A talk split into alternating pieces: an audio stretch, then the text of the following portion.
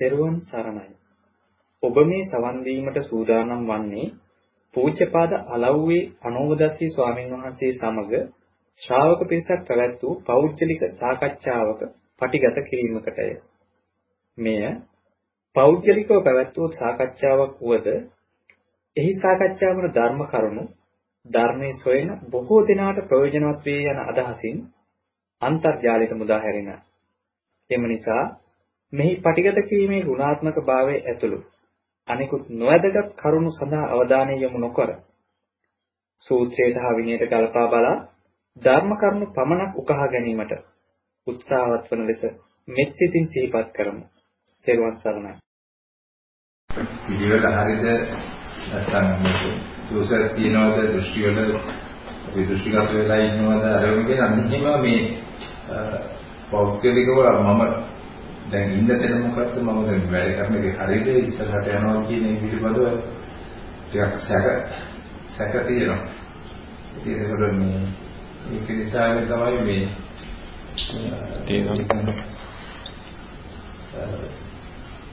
මාත තේරෙන විදිහට පොඩක් තෝරනවා ප්‍රශ්න එක. වැඩි නම් ඒක හදාගන්න තමයි මේ අවශ්‍යතාවය තියෙන්නේ. මොන වගේ තැන් සම්බන්ධයෙන්ද? දැන් මූලිකට මා මගේ වැඩිලා තියෙන විදිහට දැන් පූර්ව ප්‍රතිපදාව කියලා එකක් තියෙනවා ඒක ඒකට මට තේරෙන විදිහට දැන් අපි දැන් ජනවාසේ ජීවන මාර්ගයේ සම්පූර්ණයෙන් දේශනා කරලා තියෙනවා ඔබ සූත්‍රවල ඔබ විදිහට නේද? සංකල්පදී ඒක පරියායවල ඒක ඒ ඒ නිර්වාණය කියන එක අපි අවසාන ඉලක්කය කියලා කියාගෙන ඒකට අපි දැන් ඉන්න තැන ඉඳලා ඉස්සරහට යන්න ඕන. ඒකට එහෙම නකොට එතකොට ඒකේ පළවෙනි පියවර නියත කියන්නේ ස්ථිර පියවරක් වෙන්න ඕනේ. සතරසත් පිළිබඳව සත්‍ය ඥානය ලබා ගැනීම කියන එක කියලා තමයි මට තේරෙන්නේ. ඒත් එහෙමනම් අපිට ඉතින් අනිත් ඒ අනිත් ධර්ම කොට අපි ඉතිරියට යනවා ඒවා පුත්‍යාන් ඒ ඒ වැඩ පිළිවෙල ගැන අපිට ලොකුවට ගැඹුරට දාන්න කරන්න වැඩි මේ මුල ටික හරියට දැන් හැදෙලා තියෙනවද නැත්නම් ඒක ඒකේ මොකක් හරි දෝෂයක් තියෙනවා නම් හදාගන්න කියන එක තමයි තියෙන සැකේ. ඒකෙදී අර මම තියෙන දැන් අපි සීක බල හදා ගැනීම පිළිබඳව තියෙන උට ඒකට දැන් දැනට තියෙන ඒකේ අපි දිනපතා මේ සම්බන්ධයෙන් වෙනසීමක් වෙන්න ඕන මොකක්ද කියන එක ආවට ගියාට කරලා හරියන්නේ නැහැ. ඒකකොට එහෙමනම් ඒකවල සද්දා දී සුද්ධ ත්‍යාග වන්නා කියන සතන් ඒ ඒ ඒ ඒ පහේදී ඒකට අපිට ධර්ම මොන හරි අවබෝධ නොවෙනවා නම් එතන මේ අංගවල මොන හරි අඩුවක් අපි අතේ තියෙන්න තියෙන්න ඕනේ නැත්නම් අපිට මේ ජොයිදී එන අවබෝධයක් ලැබිය යුතු කියලා මගේ මම හිතන විදිහට. ඒකල අපිට කොහෙන්ද ඒ ඒ දෝ අඩුව තියෙන කොහොමද කරන්න ඕනේ එතකොට මේ අපේ දිනපත වැඩ පිළිවිල කොහොමද කියන තමයි ඒ කියන්නේ අපි සීක බල ගත්තත් ඉන්දිය ධර්ම ගත්තත් ඔය හැම එකම ඉස්තරලාමදී ශ්‍රද්ධාවනේ. අපි දැන් අපි ශ්‍රද්ධාව කියලා කිව්වට මම මේ දවස්වල පෙන්වලා දුන්නේම ගොඩක් ඒක ඇත්තටම ශ්‍රද්ධාව නැහැ. කියන්නේ බුදුරණවහන්සේ කෙරේ. මොනේ කරුණ ගොඩාක් එක්ක පැහැදිලි කරා.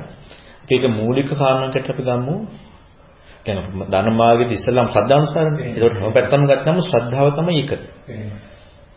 ඒකද මම සාමාන්‍ය අපි සරල දෙයක් හැටියට අපි ගත්තොත් ශ්‍රද්ධාව කියන කාරණාවේදී දැන් බුදුරයන් වහන්සේ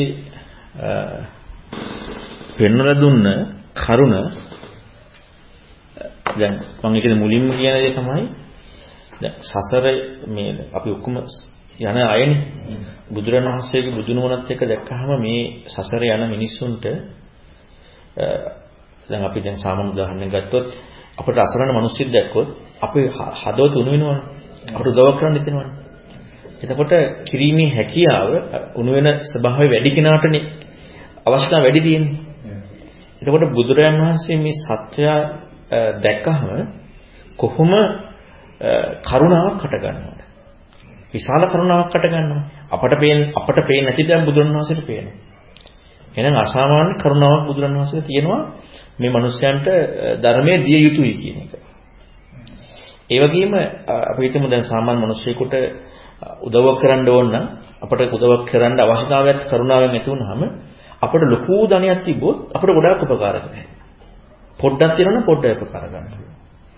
ඒතර බුදුරයන් වහන්සේ මේ සංසාරේ ගමන් කරන සත්‍යය දැක්කහම මහා කරුණාවක් ඇති වුණාම ඒ කරුණාවට උපකාර කළ හැකි මට්ටමක් තියෙනවානේ.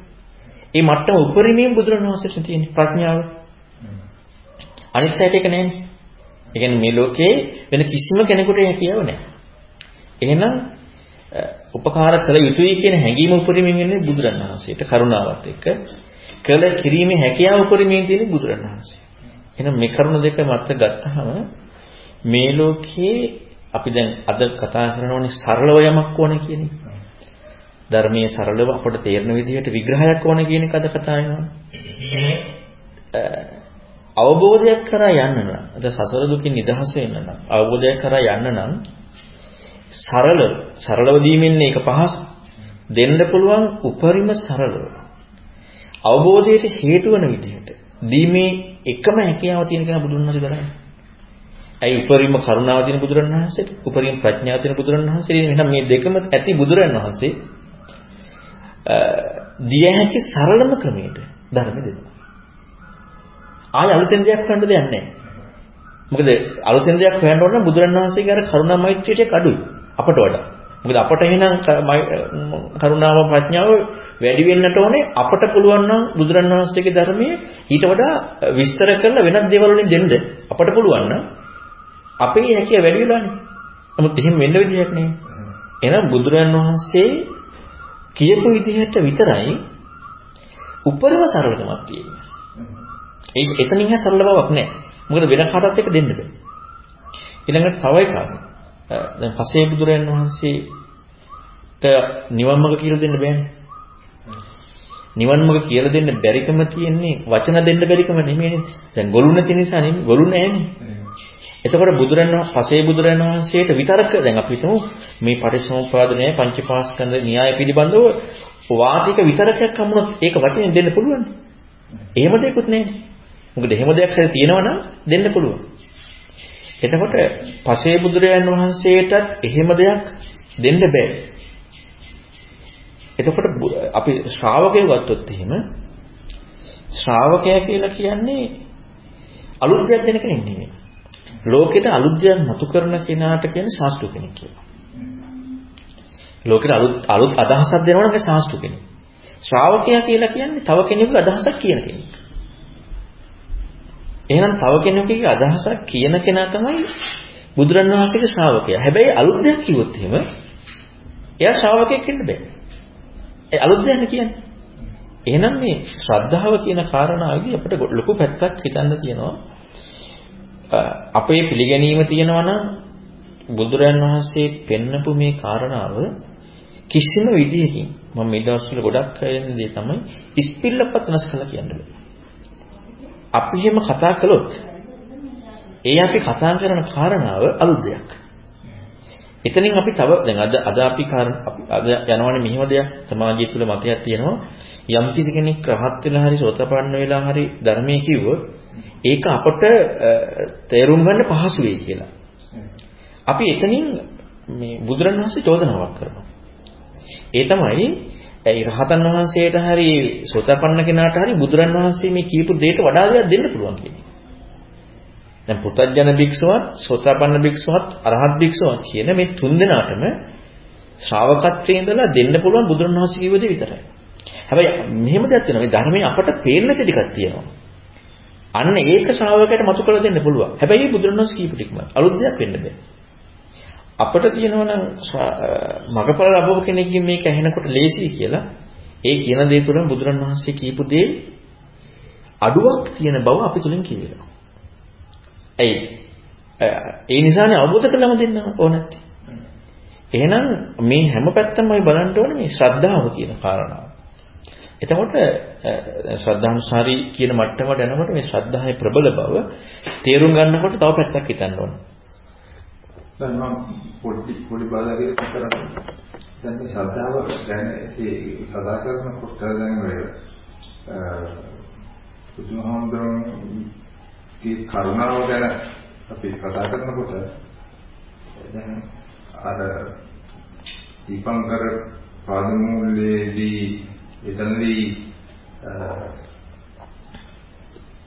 නියත විවරණ ලබන ලබන වෙලාවෙම ඒ ඒ කරුණාව කියන එක පටන් අරගත්තේ මුල බීජයක් වගේ තියෙන අවස්ථාව ඒක නෙමෙයිද මොකද එතනදී අර මම අහන කාරණා අටක් තියෙනවා මම අහලා තියෙනවා මේ නියත විවරණ ලබන්න නම් සුදුසුකම් ලබන්න කාරණා අටක් සම්පූර්ණ වෙලා තියෙන ඕන එක කාට හරි. එහෙම එක කොහොමද? මම අහලා තියෙන එක කොහෙද මුලස්සෙක තියෙනවද? මම දන්නේ හරියට. මොකද හේතුව මූලික වචනයත් එක්ක කතා කරන්නේ නැහැ ඒක. හැබැයි එතන තමයි තියෙනවා. කියන්නේ බෝධිසත්වයන්ගේ චරිතය ගත්තාම කරුණාව වැඩි. ඔව් ඒකට මට මට හිතෙන විදිහට දැන් එහෙම දැන් එතනදී මේ ඒ කාරණාවට එතන රහත් ඒ රහත් වෙන්න තරම් අවශ්‍ය ඉන්ද්‍රිය ධර්ම වැඩිලා තිබුණාය.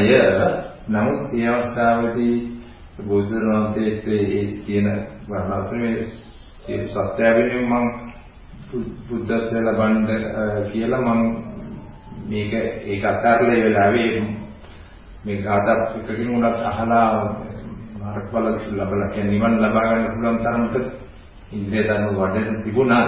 ඒ වෙලාවේ ඒ ඔක්කොම අත්හැරලා සත්‍යීර සත්පුරුණෙන් මේක මේම ගිහිලා සම්බුද්ධත්ව ලැබලා උදව් වෙනවයි කියන අදහසක් තිබුණයි කියලා ඔව් දැන් ඒ ඒ ඒ මොන කතා කරත් එතන ලෝකෙ මට්ටමක් විතරනේ. ඒක ලෝකෝත්තර පැත්තකට ආවනම් කොහොමද අනිවාර්යයෙන් රහත් වෙනවනේ. ඒ කියන්නේ සද්ධානුසාරී වුණා නම් ඒ කියන්නේ සද්ධානුසාරී මට්ටමට ආවනම් ඒ අනිවාර්ය සෝතපන්න වෙනවා. ලෝකේ මට්ටමින් උපරිම තියෙනවා. බෝධිසත්වෙක් බෝධිසත්වරු කියලා කියන්නේ ලෝකේ මට්ටමින් උපරිම තියෙනවා. නමුත් ලෝකෝත්තර පැත්තට ඇවිදින්න නැහැ. මම තේරුම් මොකද දැන් අර කරුණාව කියලා කියනකොට කරුණාව මේ ඒ ඒ උත්තරේදී හම්බෙච්ච උපරිම කරුණාව කියන එක ගැන මේක නෙමෙයි. ඒකට මේ සාරාදාගේ කල්පලක්ෂ තිස්සෙම මේ කරුණාව කියන එක වැඩිලා තියෙනවා. වඩපු වඩපු දෙයක් නේද කියන එක. ඔව්. හැබැයි ඒ ඒ ඒ අපි හිතමු බෝධිසත් බුද්ධත්වයට පත් වෙන කලින් තිබිච්ච කරුණාවටත් වඩා එහාගේ කරුණාවක් සම්බුද්ධත්වයට එක්ක තියෙනවා. මොකද ඒක අසාමාන්‍යයි. මොකද බෝධිසත්වයෝ කියලා කියන්නේ ආර්ය ශ්‍රාවකෙක් නෙමෙයි. එතකොට අපි බලන්නට ඕනේ දැන් මම ওই කාරණා ওই කාරණා මතුන එකත් හොඳයි. අපි පිළිගත්ත ධර්මය දැන් සද්ධානුසාරී කියන මට්ටමේදී අපි පිළිගත්ත ධර්මය තේරුම් ගත්ත වටහාගත්ත දේ අපි යම් කිසි කියකින් අපි කියන ධර්මයේ වටහාගත්තා කියලා මොනවාරි කාරණාව අපි උදාහරණයක් ගත්තොත් ඇස අනිත්‍යයි කියලා මොන හරි දෙයක් අපි වටහාගත්තා. ඔය වටහාගත්ත කාරණාව බුදුරන් වහන්සේ කියපු දේමද කියලා බලන්න ඕනේ. ඔන්න ඔතන වැරද්දක් තියෙනවා. බෝධිසත්වය කියපු ධර්මයක් එක්ක වෙන්න බෑ. මොකද අපි සරණ ගියේ බෝධිසත්වය නෙමෙයි. ඊළඟට ආලාරකාර මුද්දකරා පුත් ආදී ශාස්ත්‍රවරු කියපු ධර්මයක් එක්ක වෙන්න බෑ. එහෙම වුණා නම් ඒ අපි තේරුම් ගත්ත කාරණා මොකද මම අර මුලින්ම කිව්වේ එකයි මේ සත්‍ය දර්ශනේ හරියට මිස්මතු කරන්න පුළුවන් එකම එක නා බුදුරණවහන්සේ විතරනේ.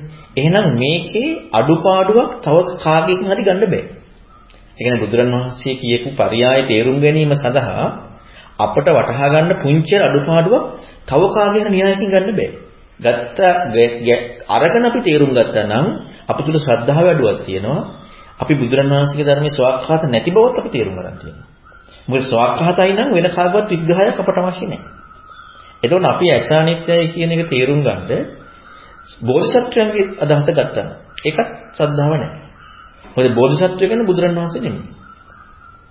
අපි අසානිත්‍යයි කියන එක තේරුම් ගන්න ආලාරකාර මුද්දකරම් ඒ කියන්නේ බුදුරණවහන්සේ කැලලුගේ බෝධිසත්වයන් කැලලුගේ නැත්නම් බුදුරණවහන්සේ කැලලුගේ ආලාරකාරම කැලලුගේ එහෙම ගතත් බෑ. මොකද ඒ එහෙම ගැනීම තුන අපි අපි තුල කියවිලා තියෙනවා බුදුරණවහන්සේ කිව්ව ටික මදි. ඒ කියන්නේ අපට අපට බුදුරණවහන්සේ හරියට දීලා නැහැ. මොකද අපට හරියට දුන්නා නම් අපට තව කෙනෙක්ගේ දෙයක් අවශ්‍ය නැහැ. අපට තව කෙනෙක්ගේ අවශ්‍ය බුදුරණවහන්සේ කොට අඩුවෙන් දුන්නේ. ඒ කියන්නේ ධර්මයේ සුවක්කාත නැති නිසායි අපට තව කෙනෙක් කියපු කාරණාවක් අවශ්‍ය තේරුම් ගන්න. ධර්මයේ ස්වාක්ඛාතයි නම් තව කෙනෙක් කිව්ව දේ අවශ්‍ය නැහැ. එහෙනම් අපි තේරුම් ගත්තදී එක්ක බෝධිසත්වයන්ගේ. නැත්තම් ආලාකාර මුද්දකරා පුත්තලා වගේ ඒ වගේ ශාස්ත්‍ර කෙනෙක්ගේ අදහසක්. එහෙම වර්තමානයේ යම් කිසි කෙනෙකුගේ අදහසක් විග්‍රහ කරපු දෙයක්. ඒ ඔක්කොටම වඩා විද්‍යාවට සම්බන්ධ කොටසක්. මොකද අපි තේරුම් ගත්ත ගොඩක් දේවල් විද්‍යාවට සම්බන්ධ කොටසක් අපිට සම්බන්ධ වෙලා තියෙනවා. මේ මොනවා හරි දෙයක් සම්බන්ධ වුණා නම් අපි අසානිත්‍යය කියලා තේරුම් ගන්නද අපි සද්ධාවට වෙන්නේ නැහැ. සද්ධා ඉන්ද්‍රිය නැහැ, සද්ධා බලය නැහැ, සද්ධානුසාරී නැහැ. ඒ එකදු කරුණකින් තොරව නම් අපට අසානිත්‍යය කියලා හම්බුනේ. තව එකක් තමයි දැන් අපට බෝධිසත්වයන්ගේ හරි අලලකාරාමලගේ හරි විද්‍යාවේ හරි ඒ තරම් නෙමෙයි අපි බාහිර කාගෙන් හරි තරම් නෙමෙයි තමන්ට වැටහෙන කෝණයක් එක්ක වුණා නම්. එතකොට ඒ තමන්ගේ කාරණාවකුත් එක්ක දාලා තේරුම් ගන්නවා. ඒ මොනවා හෝ දෙයකින් එකනම් අපි මේ ඇස අනිත්‍යයි කියලා තේරුම් ගන්න. මොකද බුදුරණවහන්සේ වෙනවනේ ඇස අනිත්‍යයි කියලා ශ්‍රද්ධාවෙන් අදහාගත්තා නේ ශ්‍රද්ධාවන්සාරි. හැබැයි ඇස අනිත්‍යයි කියලා ශ්‍රද්ධාවෙන් අදහාගත්තේ අර කාගේ හරි කාරණාවකුත් එක්කනම් එක්ක මගේ කාරණාවක් එක්කනම් එයා ශ්‍රද්ධාවන්සාරි වෙලා නැහැ. මොකද එතනම අපි තුලින්ම කියලා තියෙනවා බුදුරණවහන්සේගේ ධර්මයේ ස්වාක්ඛාත නැහැ කියලා. කියන්නේ අපි වචනෙන් නොකියුවට අපේ අපේ ප්‍රායෝගික අවස්ථාවේ අපි අපි තුල ඇතිලා තියෙනවා බුදුරණවහන්සේ ධර්ම ස්වාක්ඛාත නැහැ කියලා. ස්වාක්ඛාතයි නම් තව කෙනෙක්ගේ අදහසක් ඕනේ මගේ අදහසක් අවශ්‍යත් නැහැ. කාගවත් අදහසක් අවශ්‍ය නැහැ. ධර්මයේ ස්වාක්ඛාත වෙනවා. එහෙනම් වෙන අදහසකින් ආව තැනදී බුදුරණවහන්සේගේ බුදුගුණේ බුදු දැන් අපි බුදුගුණේ වචන ටික තේරුම් දන්නවා. නමුත් අර්ථය අපි හම්බුනාම ප්‍රායෝගික අර්ථයේ බුදුරණවහන්සේගේ ගුණ ටික හම්බ වෙනකොට ඒ හැකියාව හම්බ වෙනකොට අපිට බුදුරණවහන්සේගේ ධර්මයේ තේරුම් ගන්න තව කෙනෙක්ගේ පැත්තකට ගිහිල්ලා නම් අයි බුදුරණවහන්සේගේ ඒ ගුණය පිළියරන්නේ නැහැ. ධර්මයේ සවක්කාත ගුණය පිළියරන්නේ නැහැ. එහෙනම් සද්ධාව කියන තැනට ඇවිල්ලා නැහැ. මම ඒකට පුංචි කාරණාවක් කියන්නම් මේ ඇස අනිත්‍යයි කියලා ගත්ත එකත් එක්කම. දැන් අපි දන්නවා ඇස අනිත්‍යයි කියලා. ඇස අනිත්‍යයි කියන්නේ කොහොමද කියලා අපි තේරුම් අරන් කියන දේ කල්පනා කරලා බැලුවා. මොකද ඇස අනිත්‍ය කියලා ශ්‍රද්ධාවෙන් පිළිගත්තනේ සතපන්න. මේ සද්ධාංශාරි. ඇස අනිත්‍ය කියලා ශ්‍රද්ධාවෙන් පිළිගත්තනේ සද්ධාංශාරි. එහෙනම් අපි බලන්න ඇස අනිත්‍ය කියලා අපි පිළිගත්තදී බුද්ධ වචනේ තියෙන ටිකමද හැබැයි ඒක සත්‍ය පිළිගැනීමක්. අපි නිකන් වචනකින් දාන එකක් නෙමෙයි. සත්‍ය පිළිගැනීම අර කිසි කෙනෙකුගේ සම්බන්ධයක් නැතුව. ඒතර අසනිත්‍ය කියනකොට අපි දන්න කරුණ ටිකක් තියෙනවා. ඔන්න මේක කුණු වෙලා යන ටික බුදුරණවහන්සේ කියප එක නෙමෙයි. අපි එතනින් ගත්තා නම් ඔන්න අන්න අපි එතන පිළියරන්නේ නැහැ. බුදුරණවහන්සේ අසනිත්‍ය පැහැදිලි කරේ නාම රූපයත් එක්ක. නාම රූපයෙන් ඇස හටගත්තේ. නමුරුණ තියෙන ඇස නැතිනවා කියන එකයි බුදුරණවහන්සේ පෙන්වන්නේ. එහෙනම් මේ කරුණ අපිට තේරුම් ගන්න ඕනේ. මේ කරුණ තේරුම් ගන්නකොට මම මේ අද කරපු දේශනාවගේ තව අඩුවක් වෙන්නවා. අපි තේරුම් ගත්තේ ඇස අනිත්‍යයි කියලාද මගේ ඇස අනිත්‍යයි කියලාද? ඔන්න ඔතන බලන්න වෙනවා. ඇස අනිත්‍යයි කියලාද මගේ ඇස අනිත්‍යයි කියලා. මගේ ඇස අනිත්‍යයි කියවන එකත් වැරදි. මොකද අපි දාගත්තේ මගේ හැක්. බුදුරණවහන්සේ මගේ අනිත්‍ය නෙමෙයි කිව්වේ ඇස අනිත්‍යයි. ඒකෙන් මම කිව්වේ ඉස්පෙල්ලක් හරි වෙනස් වුණොත් අපි බුදුරණවහන්සේ කියපු දේ තේරුම් ගන්න අපි ශ්‍රද්ධාවට එන්නේ මගේ ඇස අනිත්‍යයි නම් තේරුම් ගත්තේ බුදුරණවහන්සේ වෙන්නේ ඇස අනිත්‍යයි කියලා. මොකද ප්‍රතිපදාවක් එක හම්බුනේ ඇස අනිත්‍යයි කියලා පිළිගැනීමත් එක්ක යන්නේ මම කියලා ගත්ත කාරණා වැරදි කියලා හම්බෙන සක්කාය දිට දුරන ප්‍රතිපදාව. ඒකයි බුදුරණවහන්සේ ඇස අනිත්‍යයි කිව්වා. මගේ අනිත්‍යයි කිව්වේ නෑ. අපට ඇස අනිත්‍යයි කියන එකේදී මගේ අනිත්‍යයි කියලා නම් හම්බුනේ අන්න අපි අලුත් අර්ථයක් දාගෙන තියෙනවා. මොකද බුදුරණවහන්සේගේ දේශනාවේ හැමතක හැකම් බලද්දී චක්කුන් අනිච්චං. අත්තන චක්කුන් අනිච්ච නෙමෙයි. චක්කුන් අනිච්ච. හැබැයි අපි දැන් ගත්ත මගේ දැන් අපිට තේරුනේ මගේ අනිත්‍යයි කියලා නම් අන්න ඒක ප්‍රශ්නයක් තියෙනවා. තව එකක් තියෙනවා. අපට අපිටම මගේ අනිත්‍ය අසනිත්‍යයි කියලා හම්බුණා කියලා. අපට අසහනිත්‍යයි කියලා හම්බුනේ ඔළුවේ ඉඳලා අඟල් දෙකක් තියෙන අඟල් දෙකක් පල්ලෙයන් තියෙන හැන. බුදුරණවහන්සේම කියලා නෑ. බුදුරණවහන්සේ කියලා නෑ මේ අනිත්‍යයි කියලා. බුදුරණවහන්සේ කිය ඇත අනිත්‍යයි කියලා. අපිට තේරුනේ මේ අනිත්‍යයි කියලා නම් අන්න අපි අලුත් දෙයක් දාගන්න. ඒක විද්‍යාවත් එක්ක සම්බන්ධ වෙලා. මොකද බුදුරණවහන්සේ මෙතන තියනවා කියලා බුදුරණවහන්සේගේ විග්‍රහය පෙන්නලා නැහැ. බුදුරණවහන්සේ කියන්නේ ඇත නාම රූපෙන් තියනවා කියලා. අපි තේරුම් ගත්තා නම් මේ හැනාම රූපෙන් තියෙන්නේ කියලා. අන්න බුදුරණවහන්සේ කියනට අලුත්යක් අපි දාගන්නවා. අපි දිවානිත්‍යයි කියනකොට අපි තේරුම් ගන්න කට ඇතුලේ තියෙන දිවානිත්‍ය කියලා. අපි බුදුරණවහන්සේ කියනට අලුත්යක් දාගන්නවා. ඒක ඒක විද්‍යාවට සම්බන්ධයි. දැන් මගෙන් අලුත් මගෙන් කෙනෙක් ප්‍රශ්නයක් ඇහුවා. ඇස තියෙන තැන දන්නවා. කන තියෙන තැන දන්නවා. නාසය තියෙන තැන දන්නවා. දිවක් තියෙන තැන දන්නවා. කයක් තියෙන තැන දන්නවා. මනස කොහෙද තියෙන කියලා මගෙන් ඇහුවා. මම උත්තරේ දුන්නා. ඇස තියෙන්නේ ඔළුවේ ඉඳලා අඟල් දෙකක් පල්ලෙහෙන් කියලා. කන තියෙන්නේ ඇහැට අඟල් දෙකක් එහායින් කියලා. නාසය තියෙන ඇස් දෙක අතර කියලා. දිව තියෙන්නේ කට ඇතුලේ කියලා. කය තියෙන්නේ මේ ਸਰවාංගෙම කියලා. කිවි බුදුරයන් වහන්සේද කිවි විද්‍යාවද? විද්‍යාව. එහෙනම් විද්‍යාවෙන් කිව්ව කියපු කියලා තේරුම් ගත්ත ටික තමයි අපි ඇස කන්නාසි දිවකයි මනස දන්නේ. එහෙනම් ඒ විදිහටම මනසත් විද්‍යාවෙන් කියපු දේ තේරුම් ගන්නවා. බුදුරණවහන්සේ ඇස මෙතන තියෙනවා කියන්නේ. හැබැයි මෙතන නෑ නෙමෙයි. මෙතන නැහැ නෙමෙයි මෙතන තියෙනවා කියලා නෑ. දැන් අපි අර අලුත් දෙයක් හදාගත්තේ. කියන්නේ බුදුරණවහන්සේ කිව්ව දෙයට අලුත් දෙයක් දාගත්තා. මෙතන තියෙන මගේ හැ නාම රූපෙන් හටගත්තා. තව එකක් ඒකට තේරුම් ගන්න ඒකට දැන් ඇහැ ඔය කියන විදිහට මේ මසස්සේ අනිත්‍යභාවය කියන එක ඕක බුදුරජාණන් වහන්සේ ලෝකෙට පහළ වෙලා කියන දේශනා කරන අවශ්‍යයිට කලින් උනත් ඔබ දැනගෙන හිටපු කතන්දරයක් නේ. ඒක බුදුරජාණන් වහන්සේගේ ධර්ම කියන්නේ උබ්බේ අනනුසුතේසු ධම්මේසු නම් මේ එතකොට එතනින් එහාට තිවිච්ච දැනීම කතා කරන එකේ අපිට තේරුමක් නැහැ නේද ස්වාමීන් වහන්සේ? ඔව් ඒකේ තේරුමක් නැහැ. නමුත් අපි දැන් නාම රූපයෙන් හටගන්න හැකියනකොට අපි කතා කරනකොට අපි ඒක තේරුම් ගන්න තැනදී අපි නාම රූපයෙන් හටගත්ත හැ තමයි තේරුම් ගන්නේ. හැබැයි මේ ඇහැ අපේ හැඟීම තියෙනවා නාම රූපයෙන් හටගත්ත හැ මේකත් එක්ක සම්බන්ධ කියලා. ඒ කියන්නේ අපි අලුත් විග්‍රහයක් දාගන්නවා. ඒ කියන්නේ බුදුරණවහන්සේ පෙන්නලා නාම රූපයෙන් හටගන්න ඇහැ මෙතන කියලා. බුදුරණවහන්සේ පෙන්නලා නාම රූපයෙන් හටගන්න දිව මේ කට ඇතුලේ තියෙන කියලා. අපි ඒ කියන්නේ මෙතන නැහැ කියන එක නෙමෙයි අපි අලුත් විග්‍රහයකින් එක තේරුම් ගන්න. මොකද අපට නාම රූපයෙන් එහාට ගන්නවා කියන එක නාම රූපයෙන් දිවහට ගන්නවා කියන එක තේරුම් ගන්න බැරි නිසා අපට විද්‍යාවෙන් හරි අපේ දැනුමින් හරි තව දෙයක් ඒකට ඇඳ ගන්න වෙනවා. හැබැයි අපි තේරුම් ගත්තේ නාම රූපයෙන් හටගත්ත ඇහැ තමයි. හැබැයි පොඩි අඩුවක් තියෙනවා ඒ ටික විතරක් අපට තේරුම් ගන්න. ඒ නිසා අපි විද්‍යාවෙන් කොටසක් ගත්තා නාම රූපයෙන් හටගත්ත ඇහැ තියෙන්නේ මෙතන. ඒ කියන්නේ මේකත් නෙමෙයි මස් ඇහැ කියන එකත් නෙමෙයි. මස් ඇහැ කියන එක අපි එක ලෝකේ මට්ටමින් අතහැරියා. හැබැයි නාම රූපයෙන් හටගත්ත ඇහැ.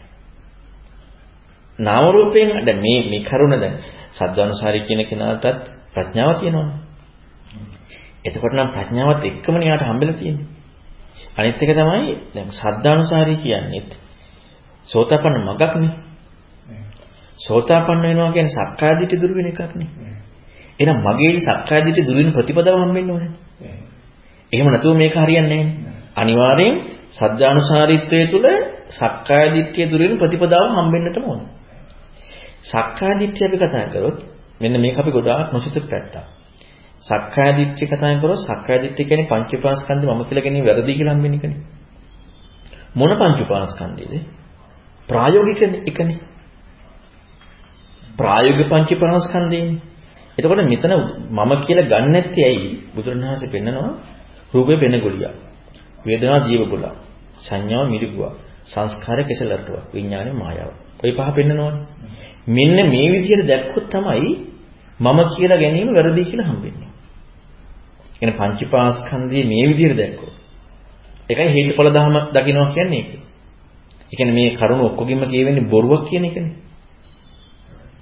දැන් අපි කවදාවත් කෙසෙල් අරටුව කෙසෙල් ගහක අරටුවක් හොයන්නේ නැහැ. මොකද අපි දන්නා බොරුවක් කියලා. එතකොට මේ මේ කරුණ ඔක්කොගෙම කියවෙන්නේ බොරුවක් කියන එක. බොරුවක් කියලා නොදකපු නිසා අපි මේක හරවත් දෙයක් වුණොත් මම කියලා ආරෝපණය වෙන්නේ. බොරුවක් කියලා වෙච්ච තැනදී අපි කවදාවත් මිරිකුවක් දැක්කම සතුට කියලා දුවන්නේ මේ උදාහරණ පහ දුන්නේ ප්‍රායෝගික වර්තමාන අවස්ථාවට. ප්‍රායෝගික වර්තමාන අවස්ථාව තුළ එහෙනම් අපට හම්බ විය යුතුයි සද්ධානුසාරී මට්ටමේ ඉඳලම සක්කාය දිට්ඨිය දුරවන ප්‍රතිපදාවක්. සක්කාය දිට්ඨිය දුරවන්නේ සෝතපන්න වීමේදී නමුත් දුරු වීමට අඩිතාලමක් සද්ධානුසාරී වීම කියන්නේ. නැත්තම් එතන සද්ධානුසාරීම කියන්නේ සක්කාය දිට්ඨිය දුරු වීමට අඩිතාලම. එතකොට එහෙනම් අඩිතාලම කියන්නේ සක්කාය දිට්ඨිය පංචපාස්කන්ධي මම කියලා ගැනීම ප්‍රායෝගික අවස්ථාවේ තියෙන වැරද්දක් ක සේයාවක් හරි හම්බ වෙච්ච දේ එක්කනේ සද්ධානුසාරී වෙන්නේ. ඒ නිසානේ ආ සෝතපන්න නොවි කලුරි කරන්නේ නැත්තේ. දැන් අපි ඔන්න ඔය කාරණාව පාදක කරගෙන බැලුවොත් ඒක ඒක බලනකොට අර මම අර මුලින් කිව්ව සද්ධානුසාරී කියන පැත්තට යන්න පුළුවන්. ඒ කාරණාව පාදක කරන් බැලුවොත් අපි හිතමු උදාහරණයකට මෙහිම. දැන් ඔන්න මට මේ කෝපේ පේනවා. මම මේ කෝපේ දකිනකොට අපි හිතමු මම මේ දවස්වල ධම්මානුපස්සනාව කියන මම ඒකේ කාරණාවක් කියන්නම්. ඔන්න එතන මට කාමච්ඡන්ද නීවරණය ආවා. දැන් මම මේ කාමච්ඡන්ද නීවරණය ඇත්ත දකින්න හොයනවා. කාමච්ඡන්ද නීවරණය කියන්නේ මොකද්ද කියලා හේතුඵල ධර්මයෙන් හරි මොකෙන් හරි හොයනවා. මෙහිම හොයාගෙන යන්නේ මම මනෝවිතරකයකින් නෙමෙයිද යන්නේ. මනෝවිතරකයකින් යන්නේ. එතකොට මනෝවිතරකය කියන්නේ මනයි ධම්මයි මනෝවිඤ්ඤාණ එකතුලා හටගත්ත දෙයක් නේ. හැබැයි අපි හොයන කාරණාව මොකද්ද? එක්ක කාමච්ඡන්ද නීවරණ තමයි ඉස්සරහ වෙන කෝපේ හේතුඵල ධර්ම හොයාගෙන යන්නේ. සත්‍ය හොයාගෙන යන්නේ. ඒක අපි විතර බුදුරණවහන්සේ කියපු න්‍යායත් එක්ක අපිට ගැළපුණා කියලා. එතකොට ඒ කාරණාව හරිනේ. ඒක හරි කියලා අපිට තේරෙන තැන චේතනාවක් නෙමෙයිද? සංකාරයක්නේ. ඒ සංකාරයේ නෙවෙයිද අපි ප්‍රායෝගික අවස්ථාව. ඒ කියන්නේ වර්තමාන අවස්ථාවේ සංස්කාරයනේ. කාමච්ඡන්දේ නෙමෙයි වර්තමාන අවස්ථාව දැන්. ඒ චේතනාව. එතකොට ඒ චේතනාව හරිනම් ඒ කියන්නේ අපි අර ඒ ඒ ඇස පිළිබඳව හර නැත්නම් කාමච්ඡන්දේ පිළිබඳව හිතපු චේතනාව හරිනම් ප්‍රායෝගික අවස්ථාවේ චේතනාව කෙසෙල් අරටුවක් වෙලාද හරවද්දයක් කියලාද ප්‍රායෝගික අවස්ථාවේ චේතනාව කෙසෙල් අරටුවක් වෙලාද හරවද්දයක් කියලාද හරවද්දයක් කියලානේ එහෙනම් ධර්මයට ලං වෙලාද ඇත්තද? ඇත්තද? ඇයි අපි එතනම සක්කාදිටින් බැසගෙන නෙමෙයි බැසගෙන නෙමෙයි. ඒ චේතනාව හරවද්දයක් වුණා මම කියලා බැසගත්තා. මොකද්ද චේතනාව? කාමච්ඡන්ද නීවරණේ සත්‍ය හේතු. දැන් අපට ඒක ඇත්ත. ඒක ඇත්ත වූ වර්තමාන චේතනාව මොකද්ද අපි? හරවද්දය. එන වර්තමාන චේතනාව කෙසලටක් කියලා නෑ.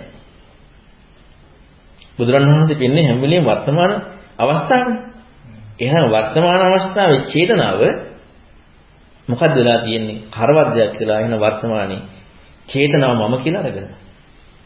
එහෙනම් මේ ප්‍රතිපදාව සක්කාය දිට්ඨිය කැඩෙන එකක් වෙලා නැහැ. එහෙනම් වර්තමාන චේතනාව තුළ හම්බ වෙන්න ඕනේ මොකද්ද? ඒක හරවත් නැහැ කියලා.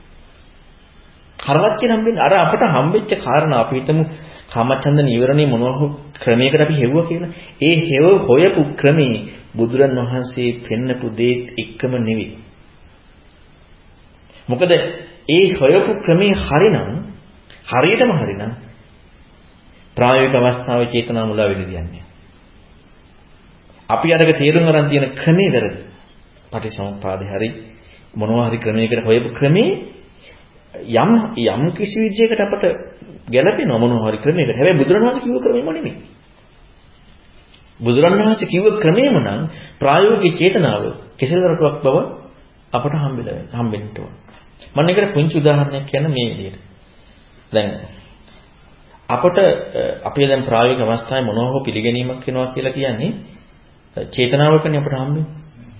එහෙනම් මේ චේතනාව වැරදි කියලා වර්තමාන චේතනාව වැරදි කියලා හම්බ වුණොත් දැන් අපි අර වචන ටිකකට කොටු වෙලා ඉන්න නිසා ප්‍රශ්නේ තියෙන්නේ.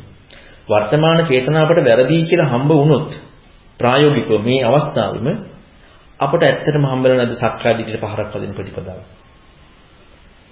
වර්තමාන චේතනාව වැරදි කියලා අපට හම්බ වුණොත් අර්ථවත් නැහැ කියලා හම්බ වුණොත් වර්තමාන චේතනාව එතනම අපට හම්බුනේ චේතනාව හරවත් නැහැ කියලා. මම කියලා ගැනීම වැරදි කියලා. එහෙනම් එතනදීම අපට හම්බෙලානේ සක්කායදිට දුරවන ප්‍රතිපදාව. අපට හම්බෙන්න ඕනේ හැම වෙලෙම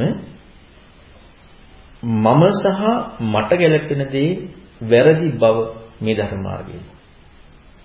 දැන් අපි අපි ගොඩාක් වෙලාට මේ ප්‍රායෝගික අවස්ථාව ගැන හිතන්නේ. දැන් මම සහ මට ගැළපීම හම්බෙන චේතනාවෙන්නේ. මම සහ මට ගැළපීම කියන මේ චේතනාව ප්‍රායෝගික වැරදි කියලා හම්බ වුණොත් අපි ධර්මය යනවද නැද්ද? අන්න ධර්මය යනවා. මට මම සහ මට ගැළපෙන මේ වර්තමාන චේතනාව අපට වැරදි කියලා ප්‍රායෝගිකව හම්බ වුණොත් අපේ චේතනාව හරවත් නැහැ කියලා හම්බෙලා එතන මම කියලා ගන්න එක වැරදි කියලා හම්බ වෙන දෙයක් අපට හම්බෙලා තියෙනවා. එතනදී අපි ධර්ම මාර්ගය යනවා. එතකන් අපි ධර්ම මාර්ගයට අහලකටවත් ඉන්නේ අන්න සද්ධාවට බැස ගැනීම ඉන්නේ නෑ එතකන්. අපි ඇස අනිත්‍යයි කියලා පිළිගත්තේ එක්ක මට ගැලපෙච්ච නිසා නැත්නම් විද්‍යාවට ගැලපෙච්ච නිසා. ඒ කියන්නේ බුදුන් වහන්සේ ධර්මයට එක්කම අර පොඩි කාරණාවක් ගලපපු නිසා මගේ චේතනාව හරි. මම ඇස අනිත්‍යයි කියලා පිළිගත චේතනාව හරිද වැරදිද? හරි. මම ඇස අනිත්‍යයි කියලා පිළිගත චේතනාව හරිනම් ප්‍රායෝගික වර්තමාන අවස්ථාවේ චේතනාව හරවද්දයක් වෙනවා. හරවද්දයක් වෙලා නම් ප්‍රතිපදාව තුළ සක්කායදිට දුර වෙන ක්‍රමයක් හම්බෙලා නැහැ. සද්ධානුසාරී වෙලා නැහැ. ප්‍රායෝගිකව ඇස අනිත්‍යයි කියලා හම්බෙච්ච කාරණාව මට හම්බෙච්ච තැනදී මගේ චේතනාවෙන් වැරද්දක් හම්බුණා නම් අන්න ප්‍රායෝගික සක්කායදිට දුර වෙන ප්‍රතිපදාවක් හම්බෙනවා. අර ගැළපීම සහ ප්‍රායෝගිකව ප්‍රතිපදාව කියන්නේ දෙකක්. අපිට මුලින් ගැළපෙන්නට ඕනේ. ඒක මගේ කෝණය. ඊළඟට අපිට ප්‍රතිපදාවේදී හම්බෙන්නට ඕනේ කැඩෙන ප්‍රතිපදාවක් සක්කාය දිට්ඨිය. දැන් අපි හැමෝම කැමැත්තක් තියෙනවනේ ධර්මයේ තේරෙනවනම් ධර්මයේ ගැලපෙනවනම්. හැබැයි කාටද ඒ වෙන්නේ මටනේ. මට වෙන තැනදී මමනේ තවත් ඉදිරියට යන්නේ. නමුත් ධර්මයේම හරි කියලා එන තැනදී ධර්මයේම හරි කියලා එන තැනදී අනිත් දේවල් හරි වෙයිද වැරදිද? වරදිනේ. ඒ කියන්නේ බුදුරජාණන් වහන්සේ ඇස අනිත්‍යයි කියලා කියපු කාරණාව විතරක් හරි කියලා එන තැනදී විද්‍යාවෙන් ගැලපිච්ච දේ අතින් ශාස්ත්‍රවරුන් කියපු කාරණාව මට ගැලපිච්ච කාරණාව හරි වෙන්න ඕනද වරදින්නට ඕනද? වරදින්නට ඕන. ඒක හරි වුණොත් ධර්මයේ හරි කියලා ගැනීම නෑ. එහෙනම් අපිට මෙච්චර කාලයක් අපි ඇස අනිත්‍ය කියලා හිතාගත්ත දැන් මට තේරිච්ච කාරණාව මං හරි කියලා හිතාගත්තා නම් මම ඉස්සරහට තියෙන ධර්මයේ හරි කියලා හිතාගන්නේ. අපට ධර්මයේ ඇහෙනකොට මම ඔකට පුංචි උදාහරණයක් මේ දවස් වල මම ඒකට පොඩි උදාහරණයක් කියන්න මෙහිම. ඒක තේරුම් ගන්න. අපි දැන් ස්පර්ශය දන්නවනේ. ස්පර්ශය කියන්නේ මොකද්ද කියලා?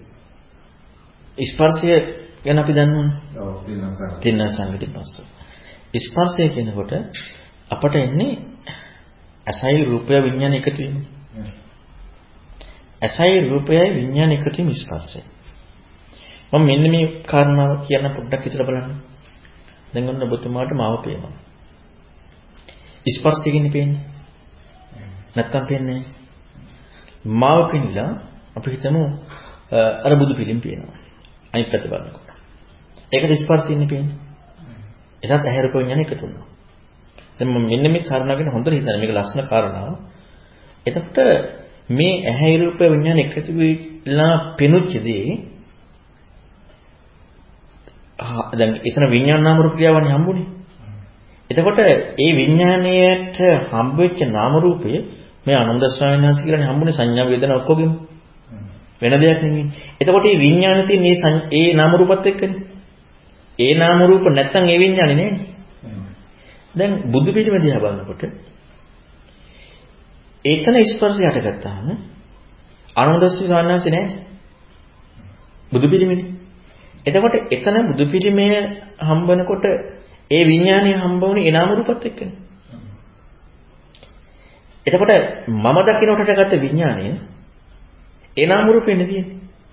බුදු පිළිම දැක්කෙද්දී හටගත්ත විඥානය මම දකින්නකොට හටගත්ත විඥානියද වෙන එකක්ද? එකක් වෙන්න බෑනේ. එකක් වෙන්න.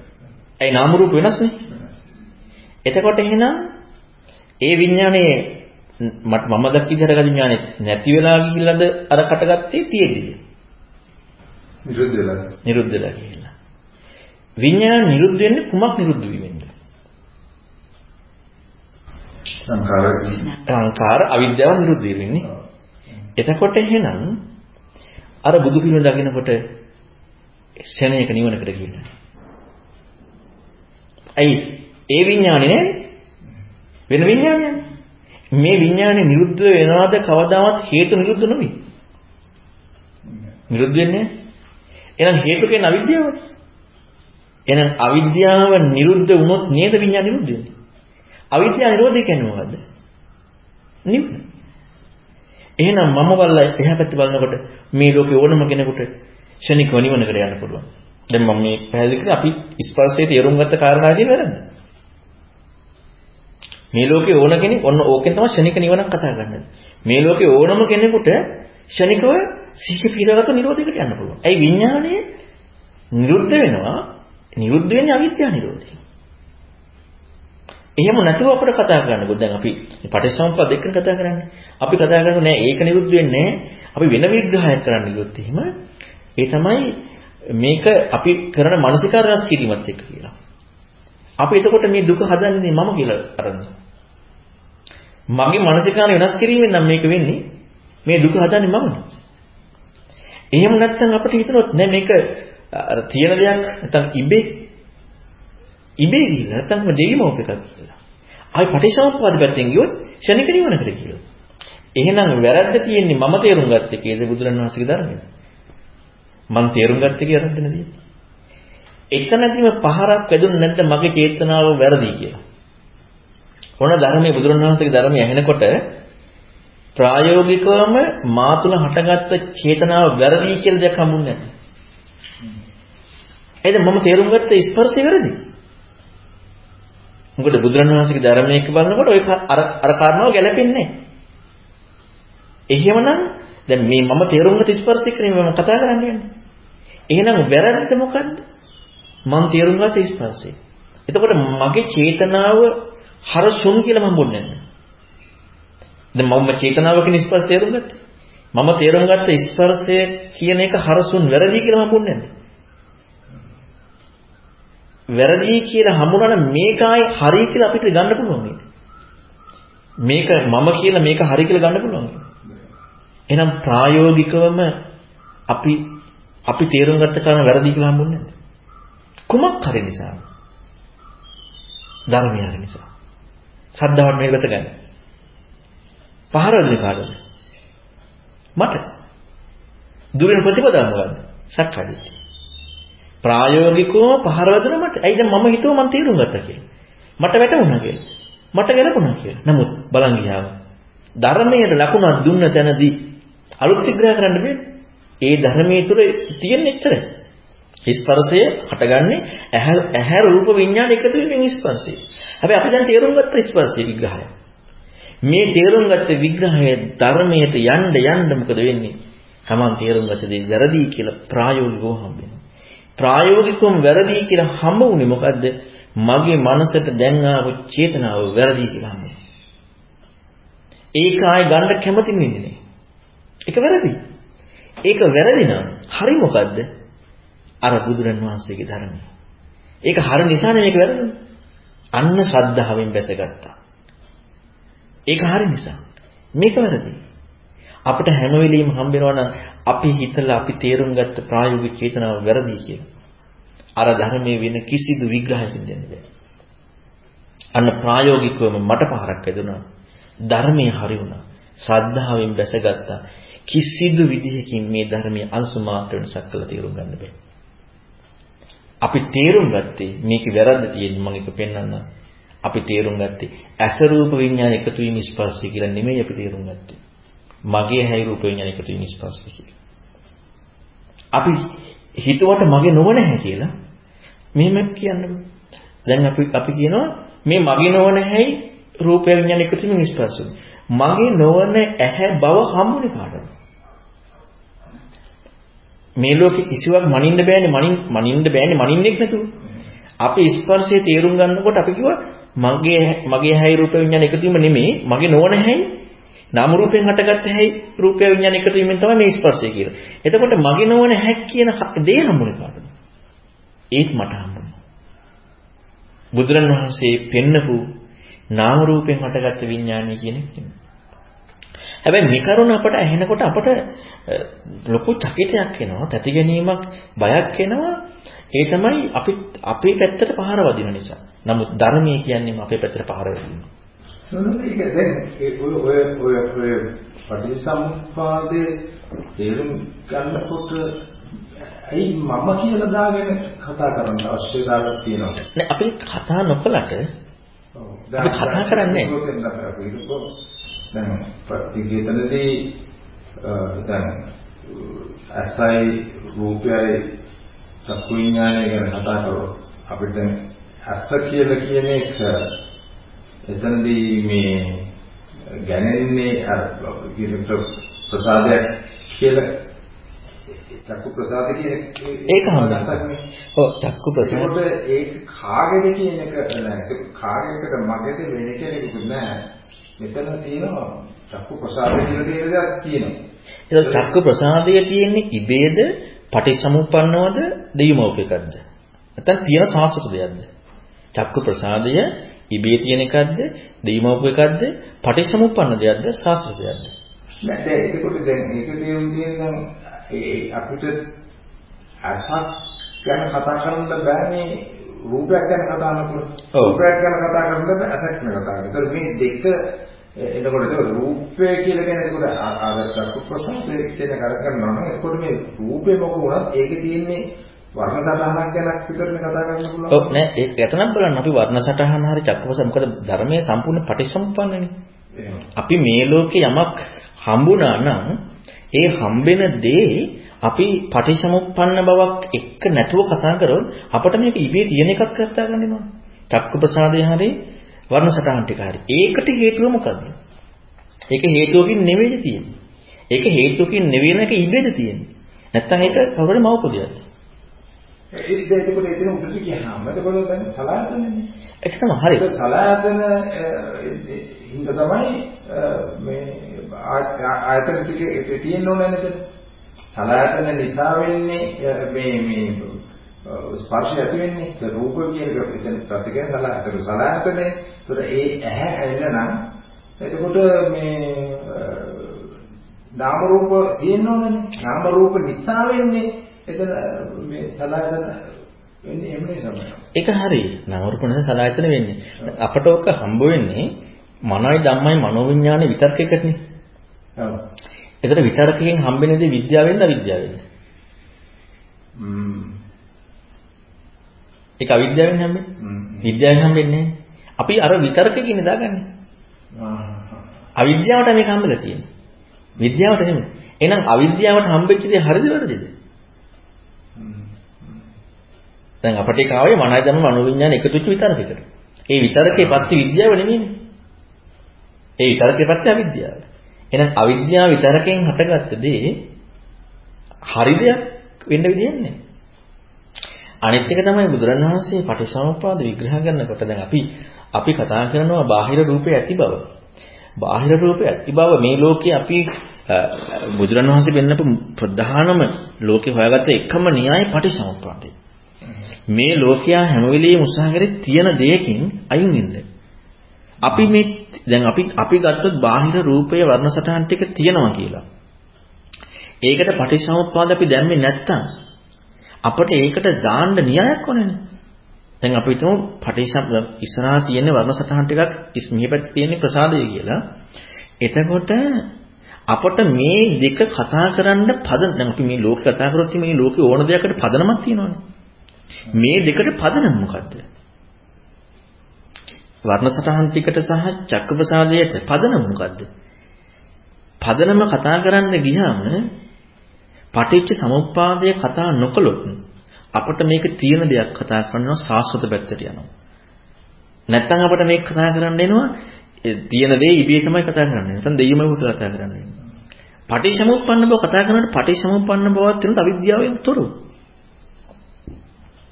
එහෙනම් චක්‍රප්‍රසාදය හරි වර්ණ සටහන් වලට හරි අවිද්‍යාව ප්‍රත්‍ය විය යුතු නැද්ද? අවිද්‍යාව ප්‍රත්‍ය වෙනවා. ඒක හරි ඒක සම්බන්ධ. දැන් දැන් මෙතන තියෙන්නේ දැන් පස්සට යනකොට එතකොට දැන් අපි මේ පැත්තට එන්නේ අවිද්‍යාව එතකොට ඒ ටික බුදුරන් වහන්සේ පටිච්චසමුප්පාදේ කොතනද කියලා තියෙනවා. මම කියන්නේ බුදුරන් වහන්සේ කියපු දේම දාගන්න ඕනේ. ඒ ටික පටිච්චසමුප්පාදේ බුදුරන් වහන්සේ කොතනද කියලා තියෙනවා. ඒ කරුණ. දැන් පටිච්චසමුප්පාදේ අපිට ගලපන්න දෙන්නේ බුදුරන් වහන්සේ කිව්ව ටිකත් එක්කනේ. ඒ කරුණ බුදුරණවහන්සේ පටිච්චසමුප්පාදය තුළ ඒකේ පත්‍යක් හැටියට කොතනද ඉස්මතු කළා තියෙන්නේ?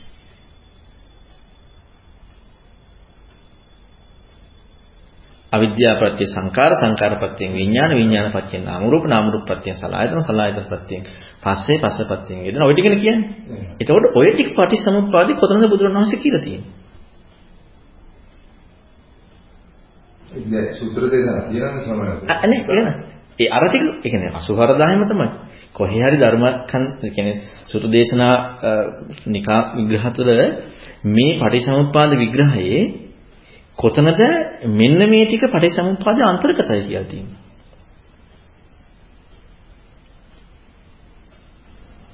දැන් දුක ඇති වෙන ගැන කියනකොට සම්පූර්ණ කියන්නේ මෙහෙමයි මේ සියලු දුක් ඇති වෙන්නේ ඒක මෙන්න මේම අවිද්‍යාවෙන් ඉඳලා මේ මේ මේම පටිච්චසමුපාද මේ පටිච්චසමුපාදේ මේ මේ වැඩ කරනකොට තමයි මේ අන්තිම දුක ඇති වෙන්නේ කියන්නේ. ඔව්. ඒකකොට ඒක අන්තිමට මේ අනුලෝම වශයෙන් මේ දැන් වචලෝභාගනකොට මේක නිරෝධ වීම නිරෝධ වීම නිරෝධ වීම නිසා මේක වෙන දුක නැති වෙනවා කියන එක ඒක බුදුරජාණන් වහන්සේගේ දේශනාවනේ. ඔව්. ඔව්.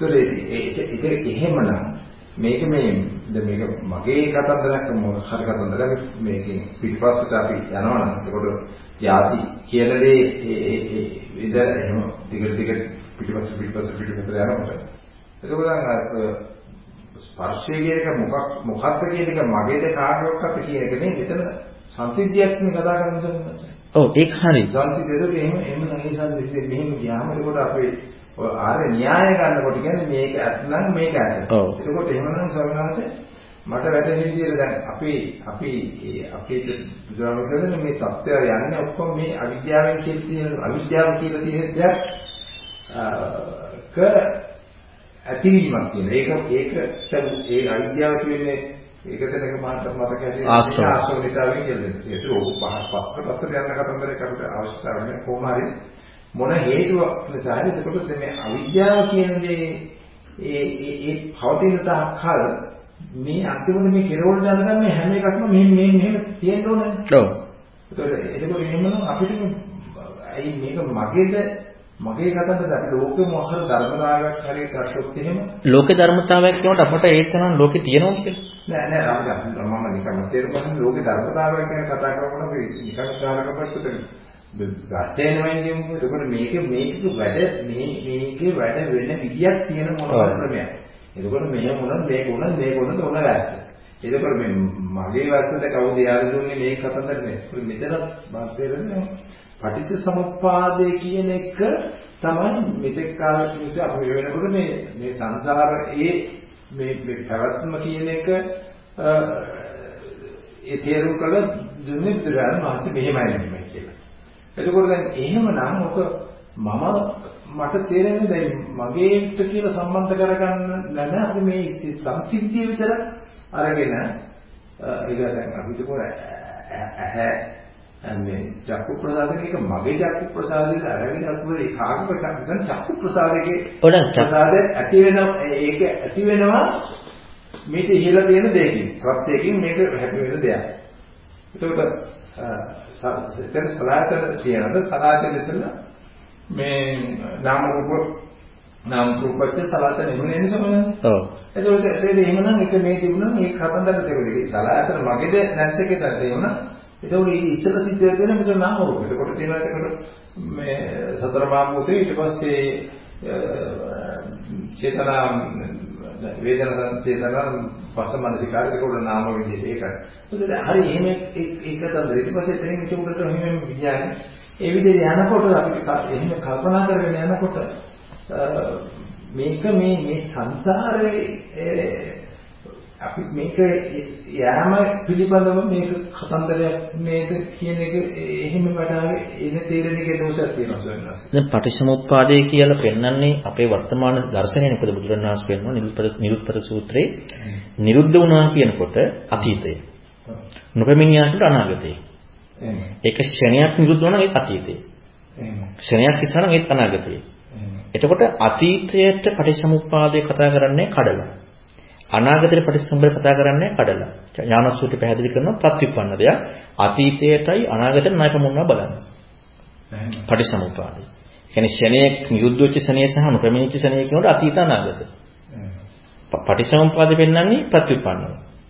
එහෙනම් පටිච්චසමුප්පාදය කියන්නේ ප්‍රතිපන්න දර්ශනයන්නේ. දැන් අපි ඔය ඔය විදිහට මොන විදිහට කතා කරගෙන ගියත් මේ කතා කරන දේ අපි කතා කරන්නේ ප්‍රායෝගික අවස්ථාව තුළ මනදම් මනෝවිඤ්ඤාණ එකතු වීම කියන අවිද්‍යාවෙන් සකස් වෙච්ච දෙයකින් නෙමෙයි. අවිද්‍යාව සකස් වෙච්ච දෙයකින්. එතකොට අවිද්‍යාවෙන් සකස් වෙච්ච විග්‍රහය අපි කතා කරගෙන යන්නේ මේ මෙතන ප්‍රායෝගික විග්‍රහයනේ. ප්‍රායෝගික විග්‍රහය කතා කරන හැබැයි ප්‍රායෝගික විග්‍රහය කතා කරලා අපි ගලපන්නේ මනදම් මනෝවිඤ්ඤාණයට එකතු වෙච්ච අවිද්‍යාවෙන් එකතු වෙච්ච දෙයකින්. ඉතින් ඒක කවද්ද හරි වෙන්නේ? ඒක හරිනම් ඒ කාරණාව හරිනම් ඉතින් බුදුරණවහන්සේ පෙන්නපු න්‍යාය තේරුම් ගන්න අපිට විද්‍යාව පහළ වෙන්න ඕනේ නැහැ. දැන් අපිට මේ අපිට දැන් මේ ගැළපිච්ච කාරණා ටික හරිනම් ඒ හරි බව අපට හම්බුනේ මනදම්ම මනෝවිඤ්ඤාණ එකතු වෙච්ච විතරකයකින්. ඒ විතරකයේ ප්‍රත්‍ය තියෙන අවිද්‍යාව. අර තේරුම් ගත්ත සියල්ල හරිනම් බුදුරණවහන්සේ පෙන්නපු දහම තේරුම් ගන්න අපට විද්‍යාව පහළ වෙන්න ඕනේ නැහැ. ඇයි මේ අවිද්‍යාවෙන් අපි මේක තේරුම් ගත්තේ? අපට මේක තේරුම් ගන්නවා කියලා කියන තැනම දැන් පටිච්චසමුප්පාද තේරුම් ගැනීම කියන්නේ සෝතපන්න වීමනේ. ඔව්. පටිච්චසමුප්පාද තේරුම් ගත් සෝතපන්න වෙච්ච කෙනේ පටිච්චසමුප්පාද තේරුම් ගන්නෑ. අපට පටිච්චසමුප්පාද තේරුණා නම් අපි සෝතපන්නයිනේ. පටිච්චසමුප්පාද තේරුණා අපි සෝතපන්නයිනේ. පටිච්චසමුප්පාදේ අපට ගැළපීලා තියෙනවා නම් ඒක නා සෝතපන්න කෙනෙක්. එතකොට අපි අවිද්‍යාසහගත මනසකින් මේක තේරුම් ගත්ත කාරණාව අපට හම්බෙල නැත්නම් අපිට ඒ හම්බෙච්ච දේ වැරදි. ඒක හරියන විදිහ නෑ මේක හරිනම් සෝතපන්නයි. දැන් අපි හිතමු පටිච්චසමුප්පාද න්‍යාය ආරණ්‍යයත් එක්ක ගත්තාම මූලිකම දේ ගන්නකො. ජාතිපත්‍යින් ජරා මරණ. දැන් මේවා බුදුරණවහන්සේ පෙන්නනවා මේ දර්ශනය කියන්නේ ශ්‍රද්ධාවෙන් පිළිගත් එකක් නෙමෙයි. රුචියට තමන්ගේ කැමැත්තට ගැලපෙන එකක් නෙවෙයි. අනුශ්‍රව අහලා දැනගත්ත දේ නෙමෙයි. ආකාර පරිත්‍යාග කියනු නෙමෙයි. දිටිනිච්ඡානකන්තියක් නෙමෙයි. ඔය ඔක්කොම ඉක්මවලනේ. එහෙමනම් ජාතිය මෙය ඇතිකල්ලි ජරා මරණ මෙය දෙකම මෙය කියලා පෙන්වන්නේ. ඒ කියන්නේ ජාතිය එය නෙමෙයි. ඒ ජාතිය නිසා මේ ජරා මරණ නෙමෙයි. මේ ජාතිය නිසා මේ ජරා මරණ. එහෙනම් මේක පෙන්නකොට අපි අර කරුණු පහම ඉක්මවලනේ ජාතිය සහ ජරා මරණ දකින්න තියෙන්නේ. ශ්‍රද්ධාව ඉක්මවලා රුචිය ඉක්මවල, අනුස්සව ඉක්මවල, ආකාර පරිත්‍යාග ඉක්මවල, දිරිනිචන කන්ත ඉක්මවල. යමෙක් දැක්කම මේ පහ ඉක්මවල සෝතාපන්නද නැද්ද? එයා සෝතාපන්නයි. මේ ಜಾති ඇතිකල්ලි මේ ජරා මරණ කියලා මේ පහ ඉක්මවල දැක්කොත් එයා සෝතාපන්නයි. එහෙනම් මේ දැක්මේදී කල්පනාවක් වෙන්න බෑනේ. ජාතිය කියන කාරණාව ඇති තැන ජරා මරණ ඇත කියලා දකින්න. ජාතිය කියන කාරණා නැති තැන ජරා මරණ නැත කියලා දකින්න ජාතිය තේරුම් ගන්න වෙනවනේ පිනේ. ජාතිය තේරුම් ගන්න පුළුවන් ද භවය තේරුම් ගන්න? බෑ. එහෙනම් භවය දැනගන්න වෙනවා. ජාතිය තේරුම් ගන්න භවය දැනගන්න වෙනවා. නැත්තම් ජාතිය තේරුම් ගන්න බෑ අපි විතර. ජාතිය කියන එක ශ්‍රද්ධාවෙන් පිළිඅර ගන්න දෙයක් වෙන්න බෑ. රුචියෙන් පිළිගත්ත දෙයක් වෙන්න බෑ. අනුසයෙන් පිළිගත්ත දෙයක් වෙන්න බෑ. ආකාර පරිත්‍යාගයෙන් පිළිගත්ත දෙයක් වෙන්න බෑ. දිටිනිච්ඡානක්ඛන්තියෙන් පිළිගත්ත දෙයක් වෙන්න බෑ ජාතිය. ඒක ඒ කරුණු පහ ඉක්මවන තේරුම් ගන්න අනිවාර්යෙන් භවය තේරුම් ගන්න. භවය තේරුම් ගන්න පුළුවන්ද උපාදාන තේරුම් ගන්න නැතුව? බෑ. උපාදාන තේරුම් ගන්න පුළුවන්ද තණ්හා තේරුම් ගන්න නැතුව? එහෙනම් අවිද්‍යාව තේරුම් ගන්න තැනදී නේද ජාතිපත්‍යෙන් ජරාමරණ හම්බෙන්නේ? ඒක තමයි. අර කරුණු පහම ඉක්මවන්නට ඕනේ. හැබැයි මේක එහෙනම් අපට දැන් තේරුණා නම් මේ දර්ශනේ මේ කරුණු පහ ඉක්මවලා මේ කරුණු පහ ඉක්මවලා හම්බෙච්ච දේ දැන් සත්‍ය ඥානෙ හට ගන්න සෝතපන්න වීම කියන්නේ. මේක ඇත්තයි කියලානේ. එතකොට දැන් අපි තේරුම් ගත්ත දේ සෝතපන්න වීමේ තේරුම් ගත්ත දේ එක්ක ගත්තාම දැන් තේරුම් ගත්ත දේ ඇත්ත නම් සෝතපන්න වුණාම තේරුම් ගන්න නැහැ. දැන් තේරුම් ගත්ත දේ ඇත්තයි නම් සෝතපන්න වුණාට පස්සේ සත්‍ය ඥානෙට දෙයක් නැහැ. දැන් සත්‍ය ඥානට ගිහිල්ලා. සෝමනාංශ ඔන්නෝකට තමයි කියන්නේ මම කියන වෙලා තියෙන්නේ මම දැන් මම තියෙන මේක මේක අපිට නොතේරුණා නම් මේක හරි මේ චරිතයේ දෝෂයක් තියෙනවා නම් මෙතන තියෙන දෝෂේ තියෙන්නේ ප්‍රඥාව පිළිබඳව ශ්‍රවණ. ඔව්. එතකොට දැන් මාත්‍ර දැනගන්න අවශ්‍යලා තියෙන්නේ අනිත් කියවනේ මේ එතකොට දැන් ඒක ඔය ඔය පටිච්චසමුප්පාදේ කොහොමද වෙන්නේ කියලා අරව මේ ඒ ඔක්කොම දැන් ප්‍රඥාව පහළ වුණා නම් මේවා තේරෙනවා. එතකොට මේවා තෝරගන්න කියලා ලොකු සටනක් දෙන්න කතන්දරයක් මට නම් තේරෙන්නේ නැහැ. මට දැනගන්න ඕනේ මෙතන අර අර අර අර මේ ප්‍රඥාව කියන එක පහළ වෙන්න නම් මොනවද කරන්න ඕනේ? අපේ පොඩි කරන්න ඕනේ ටික ඒක දැනගෙන හරියට අනේ ඒ ඒ ටික කෙරෙනකොට එතකොට එහෙමනම් එතනදී අවශ්‍ය තරමට ප්‍රඥාව පහළ වුණා නම් මේ පංචපාදනස්කන්ධේ ඒ පරිසම්පාදයයි සත්‍යයේ තේරෙන தත්ත්වයට ප්‍රඥාව පහළ අපේ දියුණු වුණොත් මේක දැකිනවනේ. ඔව් දකිනවා. ඒක දැන් අපිගේ අපේ අවධානය යොමු වෙන්න ඕන මේ මේ පංචපාදානස්කන්ධය පාඩම් කරගෙන අරක බෙදලා යන හැටි මෙහෙම බෙදලා ඔක ඒව නිකන් දැනීමක් හැටියට මේ දැනගන්න එක හොඳයි. නමුත් අපේ අපේ මේ වීර්යය ඒවා ඔක්කොම යෙදෙන්න ඕන අපේ දැනට තියෙන මේ තියෙන මේ ප්‍රඥාව කියන මේක ඒ අවශ්‍යන්ත දියුණු කරගන්න ඕන කියන එක උඩ නෙමෙයි සෝන. ප්‍රඥාව ඇති වෙන්නේ කොහොමද? ප්‍රඥාව දෙන්නේ මේ ඇතිවෙන්නේ. අන්න සද්ධර්ම ශ්‍රවණයයි යෝනිසෝ මනසිකාරය. එහෙනම් අපිට ප්‍රඥාව ඇති කරගන්න අවශ්‍ය නම් ඔය දෙක තිබිය යුතුද නැද්ද? ඔය දෙක තිබිය යුතුයි. මේ දෙකෙන් තොරව බෑනේ. බෑ බෑ. එහෙනම් අපි ධර්මයේ ඇසිය යුතුද නැද්ද? ධර්මයේ ඇසිය යුතුයි. ධර්මයේ නැතුව කවදාවත් කරන්න බෑනේ. එතකොට මේ ධර්මය බුදුරණවහන්සේ කියපු දෙයක් වෙන්නට ඕනේ. බුදුරණවහන්සේ කිව්වේ පංචපාස්කන්ධය කියලා පටිච්චසමුප්පාද කියලා වචන ටිකක් නෙමෙයි. අපට වචන දැනුමක් විතරයි තියෙන්නේ. එහෙනම් වචන ටික දැන් අපි දන්න සාරිපුත්‍ර සාන්න සිය ධම්ම හිතපව පංචපාස්කන්ධය දන්නේ. බාහිදාරු කීරිය දිට්ඨ දිට්ඨමත භවිෂති. එතකොට පංච පංචමස්කන්ධය අවබෝධ කරන්නේ වචන ටික දන්නේ නැහැ. අපිට තියෙන වචන ටික එල්ලිලා ඉන්නවා. ඔව් දැන් අනේ අනිත් තමයි කියන්නේ මම ස්වාමීන් දැන් අපේ කියන්නේ මේ ඒකකොට දැන් බුදුරජාණන් වහන්සේ ඒකකට බුදුරජාණන් වහන්සේ විතරනේ මේක කියන්නේ ඉන්ද්‍රිය ධර්ම කෙනෙක්ගේ කොච්චර වැඩිලා තියෙනවද කියන එක උඩදී මේක අවබෝධය ඇති වෙන සමහරවිට නේද? ඔව්.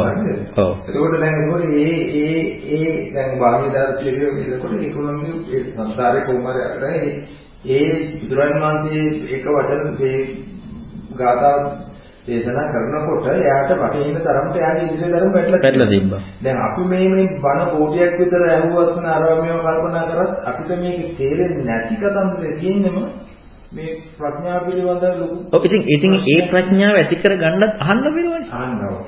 දැන් ඒක අහන්න නැතුව කවදාවත් බෑනේ ඉති කරගන්නේ. ඔව් දැන් අහනවා අහලා එක්ක මෙතන ඊළඟ ලොකුම ප්‍රශ්නේ තියෙන්නේ යෝනිසමන. යෝනිසු මනසිකාරය කියන්නේ මොකද්ද? අන්න ඒකයි ප්‍රශ්නේ. අපි යෝනිසු මනසිකාරය කියලා කියන්නේ විතරකයක් විතරයි. යෝනිසෝ මනසිකාරය කියලා කියන්නේ අපට අපි තුලින් මනසිකාර කළ යුත්තක් වෙනවා. ධර්මයේ ඇහිච්ච තැනදී ධර්මයේ තේරෙනවා නම් අපට අපි පංචමාස්කන්ධ කියලා ඇහුවා. ඒක තේරෙනවා නම් අපි ඒක අහන්න අවශ්‍ය නැහැ. මොකද අපි ඇහුවත් නැතත් අපට ඒක තේරෙනවා. අපට ධර්මයේ හරියට ඇහුවොත් අපට ඒක තේරෙන්නේ නැහැ. අපි හරියට බුදුරණවහන්සේ මම අර ඔය කරුණ ඔක්කොගෙන් පැහැදිලි කරන්න උත්සාහ කරේ ඒකයි. අපි වචන ටික තේරුම් ගන්න තියෙනවා වැරදි. මෙච්චර කාලයක් අපි මේක තේරුම් ගන්න තියෙනවා වැරදි. මේක අපි තේරුම් ගන්න තියෙන වැරද්ද නිසා අපිට යෝනිසෝමනසිකාර ගන්න අවශ්‍යතාවයක් නැහැ. අපි මේක තේරුම් ගත්තා වැරදි කියලාම හිතුවොත් එහෙම අන්න එතනදී අපි තේරුම් ගන්න හිතනවද නැද්ද? අන්න ඒකයි යෝනිසෝමනසිකාරය. මේක තේරුම් ගත්ත හරි කියලා හිතුවොත් එයා යෝනිසෝමනසිකාර කරන්නේ ප්‍රඥාව වැඩින්නේ මේක තේරුම් ගත්තදී වැරදි කියලා තමන්න ප්‍රත්‍යක්ෂව හම්බෙන්නට ඕනේ. ධර්මය හැනකොට ප්‍රත්‍යක්ෂව හම්බෙන තැනදී තේරුම් ගන්න හිතනවා. අන්න ඒකයි යෝනිසෝමනසිකාරය. දැන් බුදුරණවහන්සේ ධර්ම දේශනා කරනකොට හොතපන්නෙන්ද කියලා කතා කරේ නෑනේ. ධර්මයක් කිව්වා. එයා ඒක තේරුම් ගන්න කල්පනා කරානේ. එතනදී ප්‍රඥාව ඇති වුණේ. එතකොටයි වැටහුනේ. අපිට තියෙන්නේ අපි අපේ රාමුවෙන් මේක තේරුම් ගත්තා. අපේ කොනේ. අපිට දැන් යෝනිසෝමනසිකය කරන්න අවශ්‍ය නැහැ. අපි මේක දන්නවා. අපි විෂයක් දන්නවා. පංචමස්කන්ධය දන්නවා. හැබැයි මේ දන්න දේ වැරදි. මේක වැරදි කියලා හම්බෙන්නේ නැතිකම තමයි සද්ධාව නැතිකම. ඒ කියන්නේ සද්ධානුසාරී වෙනවා කියන්නේ මේක අපි තේරුම් ගත්ත දේ වැරදි කියලා හම්බ වෙනවා. ඊළඟට එයා කරන්න උත්සාහ කරන සද්ධර්ම ශ්‍රවණේ නැහුනේ. ඒක හරිනේ. අපට හම්බෙච්ච දේ වැරදි. සද්ධර්ම ශ්‍රවණේ අන්න දැන් එයාට තීරුම් ගන්න අවශ්‍යයි. ඒ නිසා යෝනිසුමනසිකාරය කරනවා. අන්න ප්‍රඥාව උදා වෙනවා. විචක්ෂණය කරනවා. පරිවිමර්ශනය කරනවා.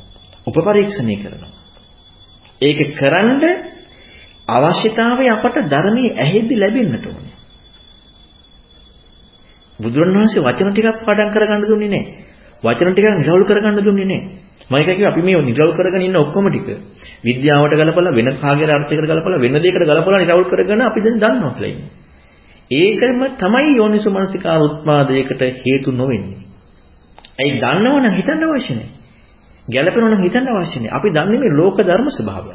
ඒ කියන්නේ මේ ලෝකේ අනිත් අයත් විග්‍රහ කරපු දෙයක් බුදුරණවහන්සේගේ වචන ටික ඒක ඒකට දාලා බලලා තියෙනවා. ඒ ඔක්කොම තැන බුදුරණවහන්සේගේ දේ විතරක් බලුවොත් අපට තේරෙන්නේ නැහැ. ඒ නිසා අපි හොයනවා මේක තීරුම් ගන්න අන්න කල්පනා කරනවා. ඒකයි මුලින්ම වැරදි කියලා හම්බෙච්ච තැනදී ධර්මයේ හරි කියලා හම්බුනාම එයාට උපදින යෝනිසුමනසිකාරය. අන්න කල්පනා කරනවා. තේරුම් ගන්න කල්පනා කරනවා. ඒ කල්පනා කරන්න කරන්න එයාට හම්බ වෙන්නේ තමයි ටික ටික ප්‍රඥාව වැඩෙනවා. Taman තේරුම් ගත්ත හැම එකකම වැරද්ද හම්බ වෙනවා. මේ ලෝකේ කිසිම විග්‍රහයක් බුදුරණවහන්සේ පෙන්න පුදු දෙන්න දෙන්න බෑ. ඒකයි මේ ධර්මයේ හරියට ඇහෙන්න ඕන කියන්නේ. අපට වෙන විග්‍රහයකින් අපට තේරෙන විදියකින් ධර්මය ඇහුනොත් එයාගේ යෝනිසු මනසිකර උදා වෙන්නෙත් නැහැ, දකින්නත් බෑ, ප්‍රඥාව උදා වෙන්නෙත් නැහැ, මග හම්බෙන්නෙත් නැහැ. බුදුරණවහන්සේ කියපු දේම ඇහුවොත් විතරයි එයාට ධර්මයේ තේරෙන්නේ නැත්තේ. තේරෙන දේ ඇහුනොත් යෝනිසු මනසිකර කරන්න ඕනේ. ඒ ගැළපෙනවා. අපි දැන් ඉගෙනගත්ත ඔක්කොම තේරෙන දන්න දෙයක්. අපට ඒකයි එක විශයක් විතරක් කියලා තියෙන්නේ. අපට ඒක දැනුම් ටිකක් විතරයි. නමුත් බුදුරණවහන්සේ දුන්නේ විශයක් නෙමෙයි, වචන දෙක ඉගෙන ගන්න නෙමෙයි, දැනුමක් නෙමෙයි දුන්නේ. බුදුරණවහන්සේ දුන්නේ අපි මෙතනින් එහාට යන්න අවශ්‍ය යෝනිසෝ මනසිකාරය කරන්න යමක් දුන්නේ. තේරුම් ගන්න යමක් නෙමෙයි දුන්නේ. අපි හිතන්නේ අපට තේරුම් ගන්න පංචපාස්කන්ධයක් කියලා දුන්නා කියලා. අපි හිතන්නේ අපට තේරුම් ගන්න පටිච්චසමුප්පාදයක් කියලා දුන්නා කියලා. අපි හිතන්නේ අපට තේරුම් ගන්න ආයතන ගැන කියලා දුන්නා කියලා. අපට තේරුම් ගන්න කියලා දුන්නා නෙමෙයි. අපට යෝනිසෝ මනසිකාරය උත්පාදයකටයි බුදුරණවහන්සේ ධර්මය දුන්නේ. අපි තේරුම් ගත්ත යෝනිසමනසිකාරය නොකළ ලෝකේ ගැලපෙන රාමුව. දැන් අපිට යෝනිසමනසිකාර කරන්න අවශ්‍ය නැහැ. ඉතින් ප්‍රඥාව උදා වෙන්නෙත් නැහැ. දැක්මකට යන්නෙත් නැහැ.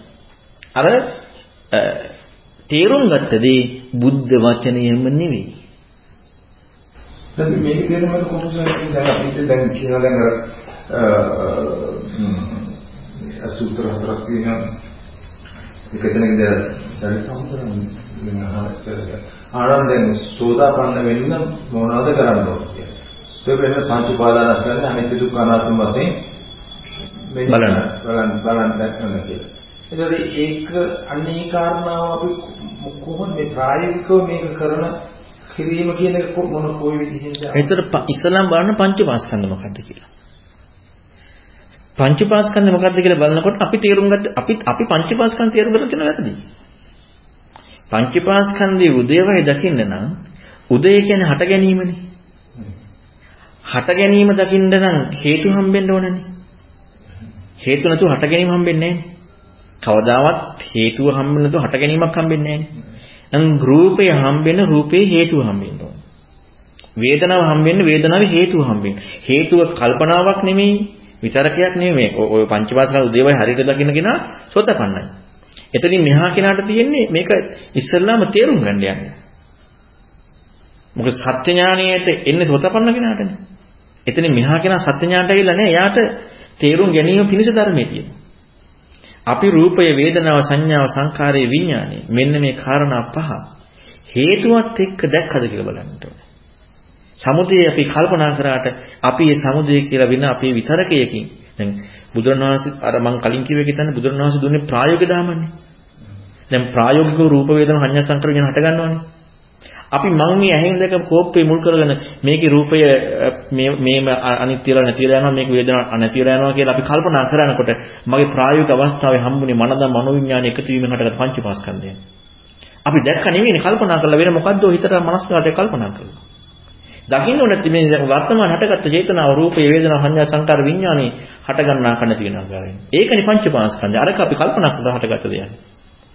එතකොට දැන් මේ මේ දැන් මේ පංච උපාදානස්කන්ධයේ මේ සමුදය වය දැකලා මේ එතනදී ඒක ඒ තරම් මේ වේගෙන් වෙනස් වෙන එකක් නම් එතකොට අපේ එතනදී මේක තේරුම් ගන්න තරම් අපේ ඒක අල්ල ගන්න අතරම අපේ සිහියේ ඒකේ එතන ලොකු ප්‍රශ්නයක් තියෙනවා සිහිය විතරක් නෙමෙයි සිහිය වීරිය නුවණ බුදුරන් වහන්සේ පෙන්නලා නැහැ මම ඒකත් හැම වෙලේම බුදුරන් වහන්සේ කියපු කාරණා කියන්න ඕනේ වේගවත් බව කතා කරලා නැහැ. හිතේ වේගය හරි.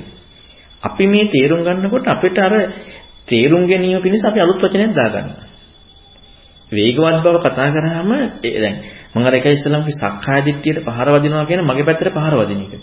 අපට අවශ්‍යතාවයක් තියෙනවා සක්කාය දිට්ඨියට පහර නොවැදී අර කියපු කාරණා මොන හරි ක්‍රමයකට තේරුම් ගන්න. මොන හරි ක්‍රමයකට ඒක තේරුම් ගන්න අවශ්‍යයි සක්කාය දිට්ඨිය පහරක් වදින්න නැතුව. බුදුරණවහන්සේ දුන්න ප්‍රතිපදාව තියෙන ওই වචන ටික තේරුම් ගන්න නෙවෙයි. සක්කාය දිට්ඨියට පහරක් වදිනමින් මාර්ගය හම්බෙන්න. අපි වචන ටික තේරුම් ගන්නවා මොනවා හරි ක්‍රමයක් දාලා සක්කායදිට පාරක් අදින්නේ නැහැ. එහෙනම් බුදුරණවහන්සේ දුන්න ධර්මයේ හම්බෙලා නැහැ. බුදුරණවහන්සේ ධර්මයේ දුන්නේ සක්කායදිට පාරක් පදින ප්‍රතිපදාවකට. අපට කියපු වචන ටික තේරුම් ගන්න ගලප ගන්න නෙමෙයි දුන්නේ. අද අපි කරන්නේ විෂයක් හැටියට මොනවා හරි ක්‍රමයකට මේ වචන ටික ගලප ගන්න හදනවා. පංචමාස්කන්ධේ පටිච්චසමුප්පාදේ ගලප ගන්න හදනවා තව අලුත් දෙයක් දාගෙන. අලුත් අපට අනිවාර්යයෙන් මම එකයි කලින් කිව්වේ අපට අනිවාර්යෙන් අපි යමක් තේරුණා කියලා ගත්තා නම් අලුත් විග්‍රහයකට යන්න වෙනවමයි. බුදුරණවහන්සේ දුන්න විග්‍රහයෙන් තේරෙන්නේ නැහැ. මොකද බුදුරණවහන්සේ දුන්න විග්‍රහයෙන් තේරෙන්නේ නුවණ වැඩිච්ච තැනදී. නුවණට වැඩිච්ච නැති තැනදී. ඒ කියන්නේ මගට ආපු නැති තැනදී සෝතාපන්න නොවි බුදුරණවහන්සේ කිව්ව දේ තේරෙන්නේ නැහැ. අපිට තේරුණා කියලා හම්බෙන්න අලුතෙන් කාගේ හරි වචනයක් ඕනේ.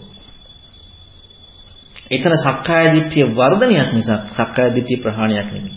බුදුරණවහන්සේ දුන්න ධර්මයේදී සක්කාය දිට්ඨිය ප්‍රහාණය වීමක් එක්ක මේක තේරෙන්නට ඕනේ. ඔව් නැත්නම් ගාමනේ මට මේක දැන් තේරෙනවා කියන හැඟීමක් එනවා නම් ඒ කියන්නේ එතන වැරදි. ඒ කියන්නේ ගැළපීමක් ආවොත් මට මේක තේරීමක් ආවොත් ඒ බුදුරණවහන්සේ දුන්න දෙයක් නෙමෙයි. මොකද බුදුරණවහන්සේ දුන්න කාරණාව තේරෙනකොට සක්කාය දිට්ඨියට පහර වදින්නට ඕනේ. සක්කායදිටට පහර වදින්න නැතුව අපට මේ ධර්මයේ තේරුණා නම් ඒක තව කෙනෙක්ගේ අර්ථ විග්‍රහයක්. බුදුන් වහන්සේගේ දේ නෙමෙයි. මොකද බුදුන් වහන්සේ අපට විශේෂ විෂයක් ඉගෙන ගන්න ධර්මයේ කියලා දුන්නේ. අපට පංචමාස්කන්ධ ඉගෙන ගන්න, පටිච්චසමුප්පාද ඉගෙන ගන්න ධර්මයක් කියලා දුන්නේ. බුදුන් වහන්සේ ඔය ඔක්කොම කියලා දුන්නේ අපේ සක්කායදිටට පහරක් වැඩ ගන්න. මාර්ගයකට. අපි සක්කායදිටට පහර වදින නැතුව අර විෂය ඉගෙන ගත්තා. පංචමාස්කන්ධ ඉගෙන ගත්තා, පටිච්චසමුප්පාද ඉගෙන ගත්තා, ආයතන ඉගෙන දැන් ලස්සනට ගැලපෙනවා. හැබැයි අපි සක්කායදිටට එනවා. බුදුරණවහන්සේ දුන්නේ සක්කාදිට්ඨි ප්‍රහාණයට ඒක. අපට ඒක ගැලපෙන සක්කාදිට්ඨි තියාගන්න. එහෙනම් අපට ගැලපුණේ බුදුරණවහන්සේ දුන්න ධර්මයෙන් නෙමෙයි වෙන ධර්මයකින්. වෙන කාරණා. එතනින් අපේ චෝදනාව ගිහිලා තියෙනවා. බුදුරණවහන්සේ ධර්ම සවක්කාත නැහැ. ඒ වෙන එකක් අපට ඕනම තේරුම් ගන්න. අන්න ඒක සද්ධානුසාරී කියන කාරණාව හරි ගැඹුරු කාරණාවක්. සද්ධානුසාරී කියලා කියන්නේ මේක දැක් අස අනිත්‍යයි කියලා තේරුම් ගත්ත කියලා එක ගොඩක් ගැඹුරුයි. ඒක මේ කිසිදු විග්‍රහයකින් තේරුම් ගන්න බෑ. ඒක තේරෙන ගමන් සක්කාය දිට්ඨියට පහරක් වදින ප්‍රතිපදාවක් හම්බෙන්න ඕනේ. නැතුව ඒක නිකන් තේරුම් ගැනීමත් ඒක නිකන් තේරුම් ගත්ත කියලා අපි බුදුරන් දැන් අපි ඉස්කෝලේ නම් විෂයක් ඉගෙන ගන්න උගන්වන ගුරුවරයා. ඒ එහෙම කන්නේ බුදුරණවහන්සේ ධර්මයේ. අපි අපට මේක තේරුම් අරගෙන මේ විෂය නිරවුල් කරගෙන යන එක නෙමෙයි. ඒක නිරවුල් වෙන තැනදී සක්කාය දිට්ඨිය ප්‍රහාණය වීමක් හම්බෙන ධර්මයක් බුදුරණවහන්සේ පෙන්නනවා. ඒකයි මේක කාටවත් දෙන්න බැරි. පසේ බුදුරජාණන් වහන්සේට මුලක් දෙන්න බැරි එකයි. අනිත් කෙනෙකුට රහතන් වහන්සේනම අලුතින් කිසි දෙයක් දෙන්න බෑ. අලුත් කිසි වචනයක් දෙන්න බෑ. බුදුන් වහන්සේ කියු දේ විතරයි කියන්න පුළුවන්. ඒ කියන්නේ අවබෝධ කරගන්න. කොහොම රහතන් වහන්සේ නමක් කියන්නේ නැහැ එහෙම. මගපල්ලාභි කෙනෙක්. අනිත් කෙනෙක් තමයි අලුත් අර්ථයක් දෙන්නේ. එක ස්පින්නක් වෙනස් කරලා කියන්නේ. එක එක වචනයක් හරි අපි අලුතින් කියලා අපි මේ ධර්මයේ විග්‍රහ කරගන්න ගියොත් අපි බුදුරණවහන්සේ ධර්මයේ ස්වාක්ඛාතය කියලා පිළිගන්නේ. ඒ කියන්නේ අපි ඇත්තටම ශ්‍රද්ධාවට ඇවිදilla නැහැ. සක්කාදිටේ පහර වෙදලා නැහැ. අපට ඒක තේරෙන තැනදී ශ්‍රද්ධාවට පැමිණීමයි සක්කාදිටේ පහර වැදීමයි දෙකම සිද්ධ වෙන්න ඕනේ. එහෙම නැතුව අපට තේරුණා නම් ඒ ධර්මයේ ඒකයි සද්ධර්ම ශ්‍රවණය යෝනිසමනසිකාරය කියන්නේ. ඒ ඇහිච්ච ධර්මයේ සද්ධර්ම ශ්‍රවණිය නෙවෙයි. මොකද දැන් පංච උපාදානස්කන්ධ කියලා තේරුම් කරනකොට දැන් අර සංදී ක්‍රමයට වට ක්‍රමය ඒවා එහෙම නැහැ. ඒව මොනවද? එහෙම නැහැ බුදුරණවහන්සේ කියලා. ඒක අපි කියන්නේ අවබෝධ කරගන්න එක අත්‍යන්ත නැහැ. ඉතින් බුදුරණවහන්සේ කියලා නැහැ.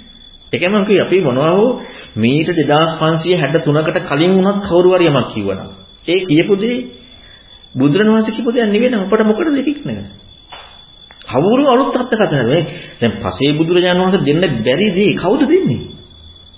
අලුත් අර්ථය. දෙන්නේ වැරද්දා. බුදුරණවහන්සේ කියපු දේ හැරෙන්න අර කිසි දෙයක් නිවන් මාර්ගකට එකතු කරගන්න ගන්න බෑ. ඒක අපිට තේරෙන ධර්ම ඇති. අපිට අපිට තේරෙනවා. හැබැයි නිවන් මාර්ග හම්බෙන්නේ නැහැ. ඔන්න ඒකද මම කියන්නේ අපි දැන් අපි දැන් අපි දැන් මහාදී බලද තියෙන වචනයකට දැන් මේ වචනේ අර්ථය මේ මේ නියම කියලා දෙකුත් කියලා තියෙනවා. සමහර වචන තියෙනවා ඒකට. ඒක දැන් අපිට දැන් අපි අපිට මේ සූත්‍ර දේශනාවක් අපි කියෝගෙන යනකොට එතකොට දැන් එතකොට ඒක දැන් ඒ මොහොතේ අපිට කිසියම් විදිහක ඒක වැටහීමක් ඇති වුණා නම් ඒ ඇති කියලා සමනස කියන්නේ. ඒ වැටහීමක් අපට ඇති වෙන්නේ නැහැ. නෑ ඒ කියන්නේ අපට වැටහීමක් ඇති වුණා නම් වැරදි. අපට වැටහීමක් ඇති වෙන්නේ නැහැ. අපි වැටහීමක් ඇති වෙන්නේ නැති නිසා අලුත් අර්ථයක් ගන්න. වැටහීමක් ඇති වුණා නම් එතනම බුදුරණවහන්සේ දුන්න වැඩ වැඩේ වෙලා නැහැ. ඒ බුදුරණවහන්සේ දුන්න සක්කාය දිට්ඨිය දුරු වීමත් එක්කනේ ධර්මය දුන්නේ. ඉතින් අපිට ඒක අහිච්ච තන වැටෙනවනම් ඇයි මොකටද බුදුරණවහන්සේ ධර්මයක් අහන්නේ? ඇයි අපි සෝතපන්න වෙන්නේ නැහැ නේ කැහුවා කියලා. ඒක අපට අහිච්ච තන වැටෙනවනම් අපි සෝතපන්න වෙන්නේ නැහැ. එහෙනම් ඒක අහලා වැඩන්නේ අපට. ඒ ධර්මය අහුව කියලා වැඩන්නේ නැහැ. මොකද සෝතපන්න වෙන්නේ නැහැ නේ කැහුවා කියලා. ඒක අහන තැනදී අපට වැටහුණා නම් අපි දිනුවක් නොවි වැටහුණා නම් අපි එහෙනම් ඒ ධර්මය අහුව කියලා කිසි අර්ථයක් නැහැ. ඒක අහපු තැනදී අපට වැටහෙන්නේ නැති එක තමයි ඉස්සල්ලාම හම්බෙන එක. වැටහෙන්නේ නැති නිසා අලුත් දෙයකින් වටහා ගන්න නෙමෙයි හොයන්නේ. අන්න සද්ධර්ම ශ්‍රවණේ. අටුවාගේ ශ්‍රවණේ නෙමෙයි සද්ධර්ම ශ්‍රවණේ. දැන් වැටහෙන්නේ නැති නිසා මොකද කරන්නේ? තව කෙනෙක්ගෙන් කෑල්ලක් දාලා ගලපනවා නෙමෙයි. යෝනිසුමනසිකාරය කරනවා. වැටහෙන්නේ අන්න මග මග උපදිනවා. ධර්මයේ මගයි උපදින්නේ. මේ වචන ටික තේරුම් ගන්න නෙමෙයි. අපි වචන ටික තේරුම් ගන්න අනිත් දෙයක් ගන්න. බුදුරණවහන්සේ වචන ටික තේරුම් ගන්න නෙවෙයි ධර්මයේ දුන්නේ. සක්කාය දිට්ඨිය දුරු කරගන්න. අපි මේ වචන ටික තේරුම් ගන්න තව අර්ථයක් ගන්නවා. ඉතින් බුදුරණවහන්සේ දුන්න කෘත්‍ය වෙලා නැහැ. යෝනිසමනස උදා වෙන්නේ නැහැ එතකොට. ඒ තව එකකින් ගලපනවනේ. ඒ අපිට යෝනිසමනසිකාරය කරන්න මේ අවශ්‍යතාවයක් ඇති වෙලාව නැහැ. තව එකකින් ගලප ගලප තේරුම් ගත්තා. ඉතින් යෝනිසමනසිකාරය එන්නේ. යෝනිසමනසිකාරය එන්න නම් පිරිසුදු බුද්ධ වචනේ විතරමයි අහන්න හැබැයි ඒ කියපු විදිහටමයි අහන්න ඒ අහපු තැනදී අපි දිනු නැන්නේ තේරෙන්නේ දැන් මොකද කරන්නේ? අන්න යෝනිසමනසිකාරය අවශ්‍යයි. තව එකකින් ගලපන්නේ. මොකද බුදුරණවහන්සේ ඕක ඉගෙන ගන්න නෙමෙයි කියලා දුන්නේ. පංචපාස්කන්ධ ඉගෙන ගන්න නෙමෙයි කියලා දුන්නේ. පටිච්චසමුප්පාද ඉගෙන ගන්න නෙමෙයි බුදු කෙනෙක් පහළ වෙන්නේ. ඒ තුලින් සක්කාය දිටි දුරු කරන ප්‍රතිපදාවක් හම්බෙන්නේ නිවන් මාර්ග පෙන්වලා දෙන්නේ. එහෙනම් අපට ඒ තුලින් හම්බ වෙන්නට ඕනේ සක්කාදිට්ඨිය දුර වෙන යෝනිස්මනසිකාරය. එහෙම හම්බුනේ නැත්නම් බුදුරජාණන් වහන්සේ බණහල වැඩක් නැහැ. අය වචන දෙක ඉගෙන ගත්තා විතරයි. ගැලපීම් විෂයක් ෆිසික්ස් ෆිසික්ස් කෙමිස්ට්‍රි ඉගෙන ගත්තා වගේ යම් විෂයක් ඉගෙන ගත්තා. අද අද බුදුරජාණන් වහන්සේගේ ධර්මයේ ෆිසික්ස් කෙමිස්ට්‍රි ඉගෙන ගත්තා වගේ විෂයක් විතරයි. ඒ ලස්සනට ගැලපෙනවා. හැබැයි ආධ්‍යාත්මික හිස් මොකද්ද ලොකු ධර්මයක් තියෙනවා. ගැළපීමකුත් තියෙනවා. කිසි දියුණුවක් නැහැ. ඒ බුදුරණවහන්සේ දැන් පිටදීකුත් ගලපලා බුදුරණවහන්සේ ධර්ම කියලා හිතාගෙන තවත් දේවල් ගලප ගලප ගලප ගලප අපි තේරුම් අරගන්න. සක්කාදිට්ඨිය ප්‍රහාණය වීමකුත් නැහැ. ප්‍රතිපදාවට ඇවිල්ලත් නැහැ. ශ්‍රද්ධාවක් නැහැ. ශ්‍රද්ධාව තියෙනවා අපට අර ශ්‍රේෂ්ඨ මිනිස්සෙකුට බුදුරජාණන් වහන්සේට නෙමෙයි. ඒකට ශ්‍රද්ධා මත්තම් ප්‍රේම මත්තම් තියෙනවා. ඒ කියන්නේ ශ්‍රේෂ්ඨ මිනිසෙක්. බුදුරණන් වහන්සේගෙන ශ්‍රද්ධාවක් නැහැ. අර ශ්‍රේෂ්ඨ ගුණයෙන් යුක්ත මිනිස්සුන්ට ශ්‍රද්ධාව තියෙනවා. ඒ කියන දේ ඇත්තයි කියලා. ඒ බුදුරණවහන්සේ ශ්‍රද්ධාවක් නැහැ. බුදුරණවහන්සේ ශ්‍රද්ධාවක් ඇති වෙන ධර්මයක් එක්ක. ධර්මයක් එක්ක ශ්‍රද්ධාව ඇති වෙන්නේ යෝනිස මනසිකාරේ මගේ පැත්ත වැරදි බව හම් වෙනකොට. සක්කාදිට්ඨි ප්‍රහාණ ප්‍රතිපදාවක් තමයි බුදුරණවහන්සේගේ බුදුරණවහන්සේගේ ශ්‍රද්ධාව ඇති වෙන්නේ. එතෙන් ඇති වෙන්නට ශ්‍රේෂ්ඨ මිනිසයාට ශ්‍රද්ධාවක් විතරයි. ඒකයි ශ්‍රද්ධානුසාරී වීමයි මේ ධර්මයේ මුල.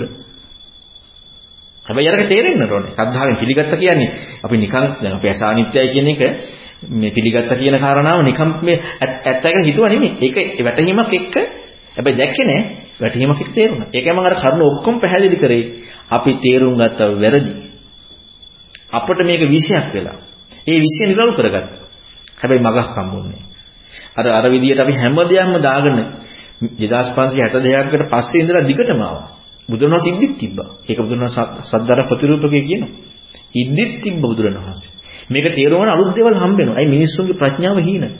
අලුත් දේවල් ක්‍රමානුකූලව ඇවිදilla හොඳට තේරුණා කියලා. හරියට ආනි බෙරේ වගේ. අර බෙරේ හඬක් ඇහෙනවා. තේරෙනවා. හැබැයි බෙරේ යන නෙමෙයි. අපිට මේක ලස්සනට ගැලපෙනවා. හැබැයි බුදුරණවහන්සේ ධර්මයේ නෙමෙයි. හැබැයි බුදුරණවහන්සේ ධර්මයේ නාමයෙන් ඉන්නේ. අලුත් දෙයක් එකතු වෙලා. අර ඇණයක් ගැහුවා වගේ හිල්ලුණා ඇණයක් ගැහුවා බෙරේට. දැන් බොක් බොක් සද්දයක්. හැබැයි බෙරේ සද්ද. බුදුරණවහන්සේගේ ධර්මයේ නෙමෙයි. හැබැයි අර ඇනේ සද්දෙත් එකයි ඇහෙන්නේ. බුදුරණවහන්සේ ධර්ම විතරක් නෙමෙයි අර ඇනේ සද්දෙක් ඇහෙන්නේ. බෙරේ සද්ද විතරක් නෙමෙයි. ඒතර අපි තේරුම් ගත්තදී බුදුරණවහන්සේගේ බුදු විතරක් නෙමෙයි තව කෙනෙක්ගේ අදහසක් එක්ක. අපි හොඳට මතක තියාගන්න ඕන දෙයක් තමයි බුදුරණවහන්සේ අපට දුන්නේ මේ වචන ටික තේරුම් අරගෙන ගලප ගන්න නෙමෙයි. ওই වචන ටික තුනේ යෝනිසු මනසිකාර උත්පාදයකටයි ධර්මයේ දුන්නේ. දැන් අපි අද ගොඩක් කතා වෙන දෙයක් තමයි මීට වඩා විග්‍රහයක් බුදුන් වහන්සේ කියලාද කියලා. මොකද අපිට අවශ්‍ය නැර විෂයක් ඉගෙන ගන්න. ඒ නිසා අපි හිතනවා මෙන්න ලොකු විග්‍රහයක් දීලා කියලා. එහෙම විග්‍රහයක් දීලා නැහැ. මොකද බුදුරණවහන්සේ විශේෂයක් ඉගෙනුවේ නැහැ. ඉගෙනුවේ පෙන්වන්නේ නිවන් මඟ. පංචමාස්කන්ධ කියලා විශේෂයක් ඉගෙනුවේ නැහැ. දැන් ඒක සම්බන්ධයෙන් දැන් අපිට සූත්‍ර කියවගෙන යනකොට දැන් එක එක සූත්‍ර වලට අපි වාචිකාලස්කන්ධේ මේ ඒ පටිච්චසමුප්පාදේ ගැන තියෙන සූත්‍ර කියවනකොට දැන් ඒකෙදි එක එක දැන් සූත්‍ර වලදී එක එක නිකන් පරයය වල වගේ කියන සමහර කියන හරි මේ ස්පර්ශය තමයි දුකට හේතුව කියලා. එතකොට තව කෙනෙකුට එතකොට අවිද්‍යාව තමයි. එතකොට තව කෙනෙකුට සංනාව තමයි එතකොට එහෙම එක එක තැන් වලදී එක එක විදිහට අරගෙන දේශනා දේශනා කරනවා. ඒක දැන් කියවගේ එකදී එතකොට අපි අපේ මනසින් එක ඒවා ගලපන්න උත්සාහ ගන්න ඕන කොහොමද? ඒකනේ යෝනිසමනසිකාරය කියන්නේ. අපට ඒක ගැලපෙන්නේ අපට අලුතෙන් අලුතෙන් වෙන විග්‍රහයක් අවශ්‍යද අපට මේදී අවශ්‍යතාව වෙනවා. ඒ ධර්මයේ ඒ පරයය හැබැයි අපි ඒ ධර්මයේ ඒ පරයයම අහන්න. මොකද එක විග්‍රහයක් අනිත් විග්‍රහය ඒ ඒ ඒකනක් නෙවෙන්නේ. අපි ඒ පරයයන් බලන්න ඕනේ. එතකොට අපට ඇත්තටම අපි දැන් මම කියුවේ අපි අපි කැමති නැහැ තේරෙන්නේ නැති ගැලපෙන්නේ නැති බව මූලාරම්භය කියලා හිතන්න. තේරෙන්නේ නැති ගැලපෙන්නේ නැති බවම තමයි මූලාරම්භය. ඇයි එයා එතනින් තමයි හිතන්න බෙරෙන්නේ. තේරුම් ගන්න. ඉතින් දැන් ටික ටික මොකද්ද වැඩි නියෝනිසමනසිකාරය. එතකොට ප්‍රඥාවනේ හේතුයි. ප්‍රඥාවනේ වැඩින්නේ. අපට ඒ ඒ ඒ එක එක තැන්වල එක එක පරයය වලින් කියපු දේවල් අපි ඒ විදිහට බලනකොට අපට තේරෙන්නේ නැති ක්‍රමම තමයි යෝනිසමනසිකාරය කරන්න මූලාරම්භය. දැන් අපි කැමති මේවා ලස්සනට තේරලා ගැලපෙලා අර මේ මේ ආවර්තවගොක්ක වගේ ලස්සනට තියෙනවා. ඉතින් ඒම තියෙන අපට එනං අර විශේෂයක් විතරයි. අපට අවශ්‍ය නැහැ ඒ ධර්මයේ. මොකද අපි මොකටද මේ අනුන් කියපු විශේෂයක් ඉගෙන ගන්නේ? අනික දැන් ෆිසික්ස් ඉගෙන ගත්තා නම් අපිට විද්‍යාවෙන් හරි දියුණු වෙලා මේ ඉංජිනේර කෙනෙක් දොස්තර කෙනෙක් හරි වෙන්න පුළුවන් ෆිසික්ස් නෙමෙයි. ඒත් මේක ඉගෙනගෙන අපි මොනව වෙන්නද? කිසි දෙයක් අපට ලැබෙන්නේ නැහැ මේක ඉගෙන ගත්තා කියලා. ඒ විශ්ේ ඉදල් කරගත්තා කියලා. ගණිතය ඉගෙන ගත්තා නම් අපිට ඉංජිනේර කෙනෙක් වෙන්න පුළුවන්. නමුත් බුදු බුදු ධර්ම ඉගෙන ගන්න මොනව කරන්නද දන්නේ කිසි දෙයක් ලැබෙන්නේ නැහැ. දැන් මෙතන ඔබ වහන්සේ මට තේරුම් ප්‍රශ්නයක් තිබුණේ කියන්නේ මේ අපි ධර්ම ඉගෙන ගන්න කරන අතරනවා අරවා මේවා ඒවා ඒවා අරවා ඔක්කොම දැන් කියලා මේක නිකන් මේ ගොඩක හැකියාවක් තමයි වෙනාමසෙන් නැතුව මේ ප්‍රඥාව දියුණු වීමක් ඇති වෙනවයි කියන කාරණාව මට තේරුම් නැහැ. ඒක නෑ ඒකට හේතුවම මේ අපි මේක තේරුම් ගන්න උත්සාහ කරා මිසක් යෝනිසෝ මනසිකාරයට හරියට ධර්මය වෙන්නේ. ඒ කියන්නේ අපි අපි හැම වෙලේම උත්සාහ කරේ ওই විෂය තේරුම් ගන්න. මිසක් අපි උත්සාහ කරේ නෑ සක්කාදිට දුරු කරන ප්‍රතිපදාවක් අපට ලැබෙන විදිහ. මොකද බුදුරණවහන්සේ දුන්නෙම ඒකට. නිවන් මාර්ගට නෙදුන්නේ. අපට ඒ ඇහිච්ච දේ තුළින් අපි යෝනිසෝ මනසිකාරය උපද්දවා ගන්න නෙමෙයි ගියේ. අපි විශේෂ නිරවුල් කරගන්න එක එක්කෙනාගේ අලුත් අයගේ ඒවා එක එක අය කියපු දේවල් දාලා විශේෂ නිරවුල් කරගන්න උත්සාහ කරනවා. ඉතින් මොකටද මේ දේ කළ වැඩක් නැහැ. නිවන් මාර්ග ඉස්මතු වෙන්නේ නැත්නම් නිවන් මාර්ග ඉස්මතු වෙන්න ඕන. ඒකට හරියට පිරිසිදු මූලික බුද්ධ වචනේ අහන්න ඕන. වෙන එකදු හරි ස්පිල්ලක් වෙනස් කරලා අපි අහුවොත් එයාට නිවන් මාර්ග හම්බෙන්නේ නැහැ. මොකද වෙන කාටවත් නිවන් මාර්ගයක් දෙන්න බෑ. ඒකෙන් කියලා සමහරවිට විචාර කරන්නේ අපි දැන් දැන් තියෙන අපිට දැන් එක එක ත්‍රිපිටක තියෙනවානේ දැන් බුද්ධාන් ත්‍රිපිටකේ තියෙනවා ඒක කොට ඊළඟට ශ්‍රාවකනේ කුත්‍රේ පරිවර්තන තියෙනවා එතකොට අපි එතකොට දැන් අපිට තේරුණාම තේරුණාම ඒක දැන් බුදුජාති ඒ වගේ එකක් එකක් විතරක් එහෙම දෙකට නෑ මෙහෙමයි අපි බලන්න ඕනේ හැම වෙලෙම මම අර ඉස්සලා ඔයා ඔයා කියන හැම එකකම මම අහේ බුදුරණවහන්සේ පොත කියලා තියෙන කියලා. අපි අනිත්‍යයි කියලා වැඩක් නැහැ. අපි යමන් දැන් තේරුම් ගත දෙයක් තියෙනවා නම් අපි බලන්න ඕනේ බුද්ධ දේශනාවේ කොහොමද තියෙන්නේ කියලා. අපට අනිවාර්යෙන් ආහද්දීක වැරදි කියලා හම්බ වෙනවා. එතනින් අපි යෝනිසමනසිකාරය පටන් ගන්නවා. අපි හැම වෙලෙම ඔය අර මම අර අහපු ප්‍රශ්න ඔක්කොම ඔය ඔක්කොම ටික තියෙන පිටින් ආපු දේවල්. බුදුරණවහන්සේ වචනේ නැහැ. ඉතින් වචන නැති ටික අපි තේරුම් ගත්තා අර විෂය අපි තේරුම් ගත්තා. මොකක් හරි. අපිට යෝනිස් මනසිකාරයේ උපද්‍ය උපදුන්නේ අපිට සක්කාය දිට්ඨිය දුරු කරන මාර්ගයක් හම්බුන්නේ. ඇයි අපි අර විෂය ඉගෙන ගත්තා. මොනවා හෝ වචන ටිකකින්. අන්න අපි බලන්න ඕනේ මම හැම වෙලෙම ඕනම කෙනෙක්ගෙන් අහන දේ තමයි බුදුරජාණන් වහන්සේ ඕක කොහොමද කියලා තියෙන්නේ. අපට වැඩන්නේ කවුරු මොනවා කිව්වත් අපට තේරුණා. ලෝකේ මොන විග්‍රහ තිබ්බත් අපට මොනවද කරන්නද වැඩන්නේ බුදුරජාණන් වහන්සේ කොහොමද මේක කියලා තියෙන්නේ. ඒ දේ විතරයි අපට වෙන කිසිම ක්‍රමයක් නෑ නිවන් මඟ. ආය අලුතෙන් දැන් අපි හිතමු දැන් මගෙන් ඇවිල්ලා අහනවා කියලා නිවන් මාර්ග මට කියලා දෙන්න බෑ. මට කියලා දෙන්න පුළුවන් අර බුදුන් වහන්සේගේ බුද්ධ වචන විතරයි. මේ ලෝක කිසි කෙනෙකුට කියලා දෙන්න බෑ නිවන් මාර්ග. අලුතෙන් ප්‍රඥා ඇති කරගන්නේ කොහොමද? සමාධිය වඩ아가න මේ නිවන් මාර්ගට මේක ඇති කර කාටවත් කියලා දෙන්න බෑ. බුදුරණවහන්සේගේ ධර්මයේ තුලින් අපට ගොඩනගෙන්න ඕනේ. අන්නේදී. ඒක අපට හම්බෙන දෙයක්. ආරෂ්ඨාංග මාර්ග බුදුරණවහන්සේට බෑන් තව කෙනෙකුට දෙන්න. ආරෂ්ඨාංග මාර්ග හම්බෙන්නේ යාට. එයාට හම්බෙන්නේ ධර්මයෙන් නෙමෙයි වෙන දෙයකින් නෙමෙයි. ඒ ධර්ම ශ්‍රවණයෙන් විතරමයි හම්බෙන්නේ. හැබැයි බුදුරණවහන්සේගේ ධර්මයේ ශ්‍රවණය විතරයි. වෙන කාගවත් අර්ථකථන බලන්නකෝ ඒ කාලේ මහා කච්චානුවත ස්වාමීන් වහන්සේ තමයි දහම් ධර්මයේ විග්‍රහ කරන අග්‍ර. ඇවිදilla බුදුරන් අහනවා මේ කෙටියෙන් කිව්ව ධර්මයේ අර්ථය දෙන්න කියලා. ඊළඟට ඒ මුලින්ම කියන්නේ මොකද්ද? අරටුව තියාගෙන ඇයි කොලාතු හොයාගෙන ඉන්නේ? කියන්නේ ඊට පස්සේ ඊළඟට ඒ ස්වාමීන් වහන්සේලා කියනවා බුදුරණවහන්සේ දේශනා කරා අබු වහන්සේ තමයි විග්‍රහ කරන්න අග්‍ර. ආ ඇත්තද මම එහෙනම් කියලා දෙන්නම් කියන්නේ. ඒත් සමාදම් කරන්නේ බුදුරණ අරටුව තියෙද්දි ඇයි කොලාතු හොයාගන්නේ? පෙරත්ත කරද්දි කරද්දි හරි මම කියන්නම්. මම කියපු ටික එහෙමම බුදුරණවහන්සේට ගිලා කියන්නේ. බුදුරණවහන්සේ කියන දේ දරා ගන්න. බලන්නකො කියලා මම කියන දේ බුදුරණවහන්සේ කියන දේ ගැලපෙනවද නැද්ද කියලා. ලස්සනට ගැලපෙ එහෙම කියන්නේ. අද කවුද අද මොකද්ද කියන්නේ? අද අපි හැම වෙලේම මම තේරුම් ගත දේ මේකයි ගැලපෙන ගලපන්න අපි හදන්නේ. නමුත් අර ධර්මයේ විග්‍රහ කරන අග්‍ර කච්චනගත ස්වාමීන් වහන්සේ ඒ භික්ෂුන්ට කියන්නේ ඔය කියපු එකමයි බුදුරණවහන්සේ කියන්නේ වෙන දෙයක් කියන්නේ බලන්නකො කියලා ඔය දෙක ලස්සනට ගැලපෙනවා. එහෙම කියන්නේ. බුදුරණවහන්සේ කිව්වේ දරා ගන්න. අන්න ධර්මයට ආවගෙන ලක්ෂය. අපි අපි හැම වෙලෙම කැමති සක්කාදිට්ඨිය පෝෂණය කරගන්න. ධර්මයට දන්න දෙන්න නෙමෙයි. මම තේරුම් ගත්ත දේ මම ගලපගත්ත දේ මට කොහොම හරි හරි කියලා. මගේම සක්කාදිට්ඨිය තහවුරු කරගන්න කැමති නිසා බුදුරණවහන්සේ කියපු දෙයට අපි තැන දෙන්නේ නැහැ. ශ්‍රද්ධාවට එන්නේ නැහැ. අද ප්‍රශ්නෙම තියෙන ශ්‍රද්ධාවනේ. ශ්‍රද්ධාවට ආවගෙන අනිවාර්ය හොතපන්නේ. එයාට ශ්‍රද්ධානුසාරයි. ශ්‍රද්ධාවට ආවගෙන අනිවාර්ය හොතපන්නේ වෙනවා. එයා ශ්‍රද්ධානුසාරයි. ශ්‍රද්ධාවට එන්නේ ප්‍රශ්නයක් අපිට තියෙනවා. ඒ ශ්‍රාවකත්වයට දෙන්න බෑ.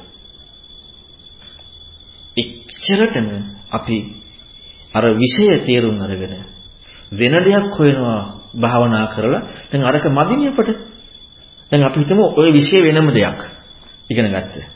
දැන් අපිට ඕනේ දැන් තව කායින් හරි ප්‍රඥාව ඇති කරගන්න භාවනා කරන්න ක්‍රමයක්. එතකොට ඒ කාවිකද්ද?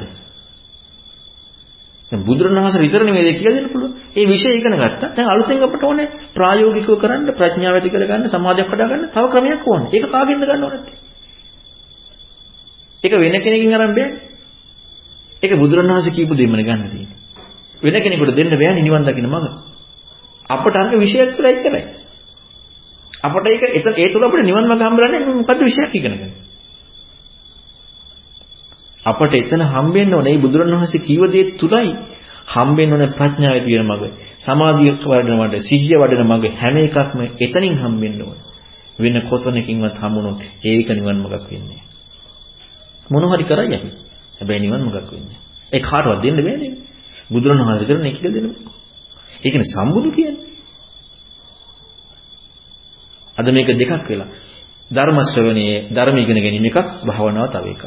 ඉතින් ධර්ම ඉගෙන ගැනීම එකක් ඒක ඇත්ත. මොකද ධර්ම ඉගෙන ගැනීම මූලිකනේ. භාවනාව කවුද කියලා දෙන්නේ? දැන් අපි දන්නවනේ භාවනාවෙන් මේක ප්‍රතිපදාවෙන්නේ. නිවන් මගෙන් ඒක කවුද කියලා දෙන්නේ?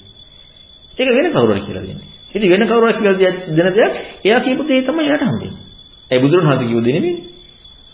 භාවනා බුදුරණවහන්සේ කිව්ව දෙයක් වෙන්නට ඕනේ. බුදුරණවහන්සේ වෙන මොකුත් කියලා නැහැ. බුදුරණවහන්සේ ඒකයි මම කිව්ව විශයක් නෙමෙයි දුන්නේ. ඔය වචන ටික තේරුම් ගන්න නෙවෙයි දුන්නේ. ඔය තුලින් යෝනිසමනස්කාර උත්පාදයකින් මේ ධර්මයේ එතනදී තේරෙන්නේ අන්න එතන තමයි මාර්ගය හම්බෙන්නේ. අද කොච්චර කිව්වත් කැමති නෑ තේරුම් ගත්ත විෂය වැරදි කියලා හිතන්න. තේරුම් ගත්ත විෂය වැරදි කියලා හිතන්න කැමති නෑ. එච්චරට ඒ විෂය තුරට ගිහිල්ලා සක්කාදිට්ඨි පෝෂණය වෙනවා. විෂය වැරදි කියලා තේරුනොත් අපි තේරුම් ගත්ත විෂය සම්පූර්ණයෙන් වැරදි. පොඩ්ඩක්වත් හරියන්නේ ඒ අපි තේරුම් ගත්ත විෂය සම්පූර්ණයෙන් වැරදි කියලා හමුණොත් අන්න එදාටයි සද්ධාවට එන්නේ හරියටම. ඒ විෂය සම්පූර්ණ වැරදි කියලා හම්බෙන්නේ. මොකද මේ විෂය අපි ඉගෙන ගන්නකොට ඒ විෂයට අනිත් අය කෑලි හම්බුණා අපට තේරුම් ගන්න. මේ මේ ධර්මයේ විතරක් ඇහුවොත් පුදුම සුන්දර ධර්මයක්. හැබැයි කිසි වචනයක් බෑ අනුන්ගේ. බුද්ධ වචනේ විතරක් අහන්න ඕන. මේ කපාද උත්තරයෙන් කියුවේ නේද? ඉතින් අපිට අර මුලින් කියන අපිට දෘෂ්ටි තියෙන එක හොඳට කල්පනා කරලා බලමු. අපි ඒ වෙලාව තමයි ඉන්නේ කියන එක වගේ තියෙනවා කියන්නේ. අපි බලන්නේම අපාරමෙන් කිය කතන්දරයි මේවා ඉස්සරහට යනවා කතන්දරයි. අද මොකද කොහොමද කියන එක ඒ ඔළුවට එන්නේ මේ වගේ අදහස්නේ. ඒක තමයි අපි අර ඒ අපේ වර්ධනයක් උන්නේ නැහනේ. විෂය ඉගෙන ගත්තට අපි වර්ධනය උන්නේ නැහැ. ඒ විෂයක් නැති ඉගෙන ගත්තේ. බුදුරණවහන්සේ වචන නෙමෙයි ඉගෙන ගත්ත විෂයක්. බුදුරණවහන්සේ වචන ඉගෙන ගත්තා නම් එයාට එන්නේ තේරුම් ගැනීම නෙමෙයි යෝනිසමනසිකාරය. ඒක අනිවාර්යෙන් එනවා. ඒක බුදුරණවහන්සේගේ ධර්මයේ ස්වභාවය. සද්ධර්ම ශ්‍රවණයේදී ඒක එනවා. බුදුරණවහන්සේ කියපු ධර්මයේම ශ්‍රවණය කරාම හරියට ශ්‍රද්ධාවෙන් පිළිහිලා අන්න යාට යෝනිසමනසිකාරය කියන්නේ යගේ යම් ලෝකෙ මට්ටමින් කියන්නේ ලෝකෙ මට්ටමින් හිතීම හැකියාව තියෙනවනම් අන්න යාට එනවා. අනික් කෙනාට එන්නේ නැහැ. අනික් කෙනාට තේරුම් ගන්න දඟලන්න උත්සාහ කරනවා. මම ඔබට පුංචි උදාහරණයක් කියන්නම්. මේ කියන්නේ මේ ධර්මය අවබෝධ කරගන්නවා කියන එක එච්චර තීක්ෂණ නුවණක් ඕනේ. මේ අර අස්ලෝමයක් 100 උදාහරණ දෙන්නේ. අපි හැමෝම කැමති ඕනම දෙයක් තේරුම් ගන්න මගේ කෝණයටත් එක්ක මොනවා හරි දෙකින් ගලපලානේ. අපේ කෝණෙම ඒක.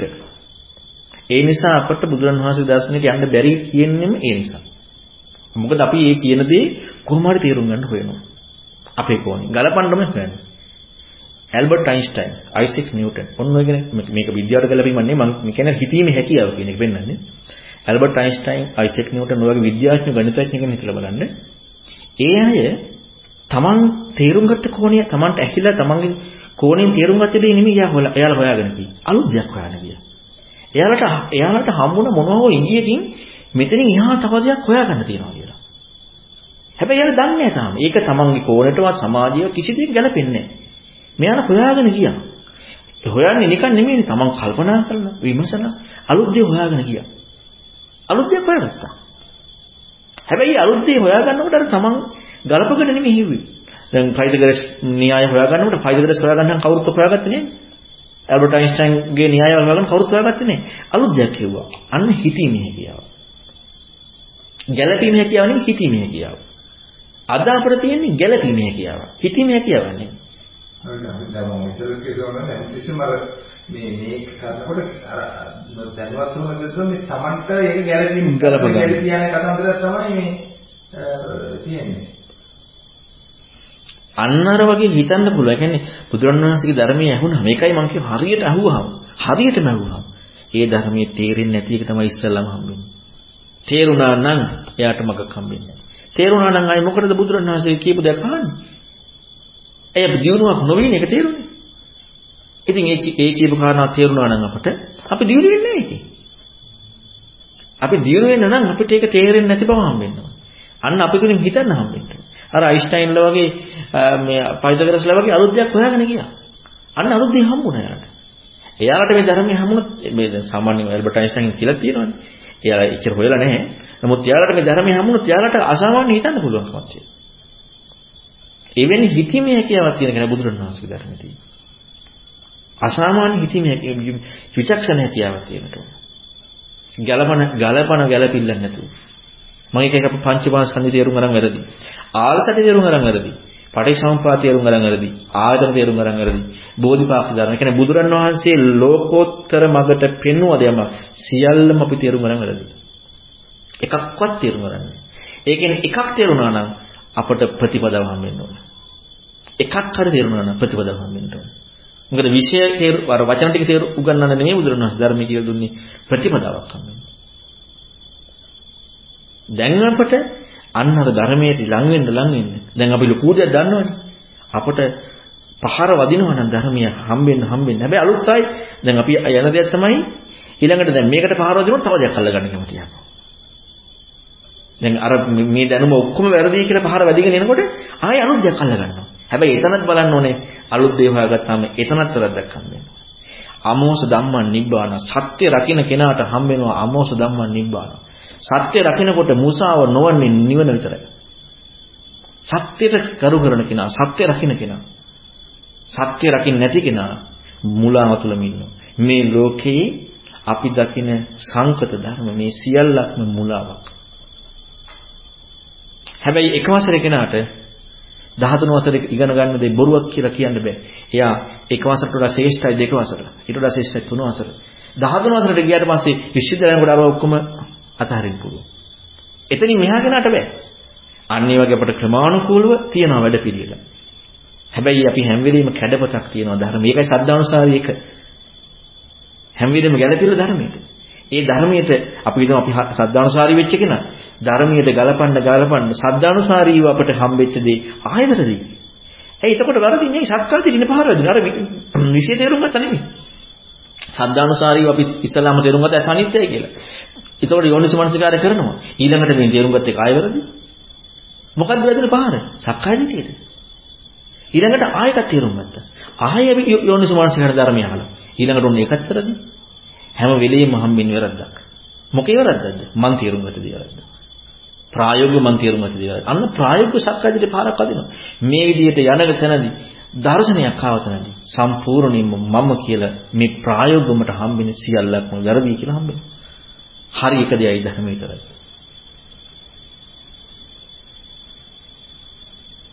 ඒකට ඉතින් අර මූලික දේ තියෙන ඔය ඔය මූලික දේ නැති නිසා තමයි ධර්ම මාර්ගයක් හම්බෙන්නේ නැත්තේ. මොකද කියන්නේ යන එක මේක මෙයා කරගන්නයි තමයි අවශ්‍ය නැත්නම් මේක ලොකු මේ හැලේක පැටලලා දැන් බුදුරණවහන්සේ කියන්නේ එක දහම් පදයක් එක දහම් පදයක් පිළිබඳ සුතය කියලා විග්‍රහ කරන දැනුම නෙමෙයි. අපි සුතය කියන්නේ ඉගෙනගෙන දැනගන්න එක විතරයි. සුතා දතා වචසා පරිචිතා මනසාරක දීක සුප්පටිවිද්දා. ඔන්න ඔය සුත එක දහම් පදයක තියෙනවා. එයා මාර්ගය යනවා. ඔය අපිට එක දහම් පදයක ඇති වෙන්නේ නැහැ. මොකද අපේ ඒ හැකියාව. අන්න එක තියෙන ප්‍රශ්නේ. එක අපිට පංචමාස්කන්ධ ගැන එක දේශනාවක් ඇහුවට අපිට ඒ ධම්ම හිතපබ කියලා ඇහුවට අපිට කියපු ගන්න වැටහෙන්නේ. ඒ නිසා අපිට බොහෝ කරුණු ඉගෙන ගන්න වෙනවා. ඉගෙනගෙන අපි යෝනිසමනස්කාරය ගන්න වෙනවා. යෝනිසමනස්කාරය කරනවා කියන්නේ නිකන් ඔහේ ගැලපිල්ලක් නෙමෙයි. දැන් අපි යෝනිසමනස්කාරය කරනවා කියලා මේක සුද්දාස්තික එක මේක රූප කලාපට එක මේ චිත්ත. අපි මේ මොකද ගැලපිය විශේෂයක් නෙදාන්නේ. විශේෂකින් ගලප ගලප ගලප ගලප ඉන්න මේ හතරම හදාතු ටික මේ මේ ශරණයක තියෙන දෙයක්. මේ අපි මේ මොකද්ද ඔය ගලපනවා. හැබැයි මනෝජම් මනෝවිඤ්ඤාණය අවිද්‍යාව සහගතව මේ සිදුනට පිළිවෙලා.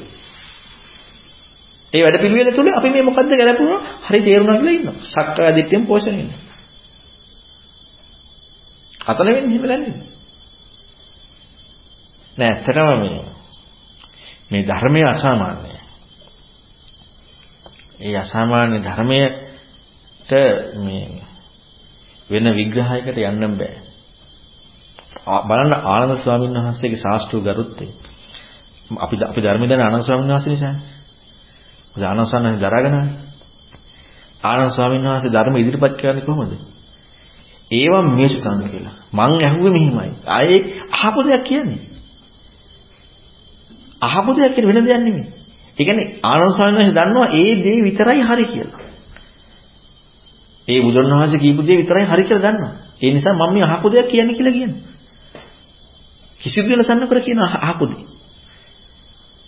අපි අද ඒක අපි තව විස්තර කරලා විභාග කරලා තව මේකේ කෑලි දාලා එකතු කරලා අන්න අපි දැන් තේරුම් ගන්න හදනවා. අපි අර විශේෂ තේරුම් ගත්තා. හැබැයි මාර්ගය හම්බෙලා නැහැ. ආශ්‍රය කරන මේ දවස්වල ඔය රටේ කලබලයි හිතනවා නේද ටිකක් අපි හිත සකස් කරගන්න උපදෙස් මම ඔබට මේ ඉඳන් විසත් දවසේ හොඳ දේශනාවක් කරා. අවන්න මේක එකත් එක්ක කියන්නම්කෝ. මේ මෙන්න මේක ගැන පොඩ්ඩක් හිතලා බලන්න. දැන් අපිට එයාලා කෙරේ තරහක් ඇති වෙනවා. එක පැත්තකින්. අනිත් පැත්තෙන් තමයි අපි කැමති මේ ප්‍රශ්න නැතුව පාරට බහිනකොට අපිව මරන්නේ නැත්තම්. එහෙම ඉන්න හරි අපි කැමති. අපි හොයන්නේ ඒකට ඒකට පිළියමන්නේ. ඔන්න මම එතනත් ඉස්මතු කරලා වෙන්නේ ශ්‍රද්ධාව. අපි කොහොමද මෙතන බුදුරණවහන්සේ වෙනප කෝණයෙන් දකින්නේ? දැන් අපට අපි අපි දැන් මේ බලන්නේ මොකද්ද? මාව රැකගන්නනේ. බුදුරණවහන්සේගේ කෝණයෙන් මේක බලන්නේ කොහොමද? දැන් ඔන්න බලන්න පුංචි කුරුල්ලෝ දැන් මෙහාට පොඩි කුඩුව දැන් ඉන්නවනේ.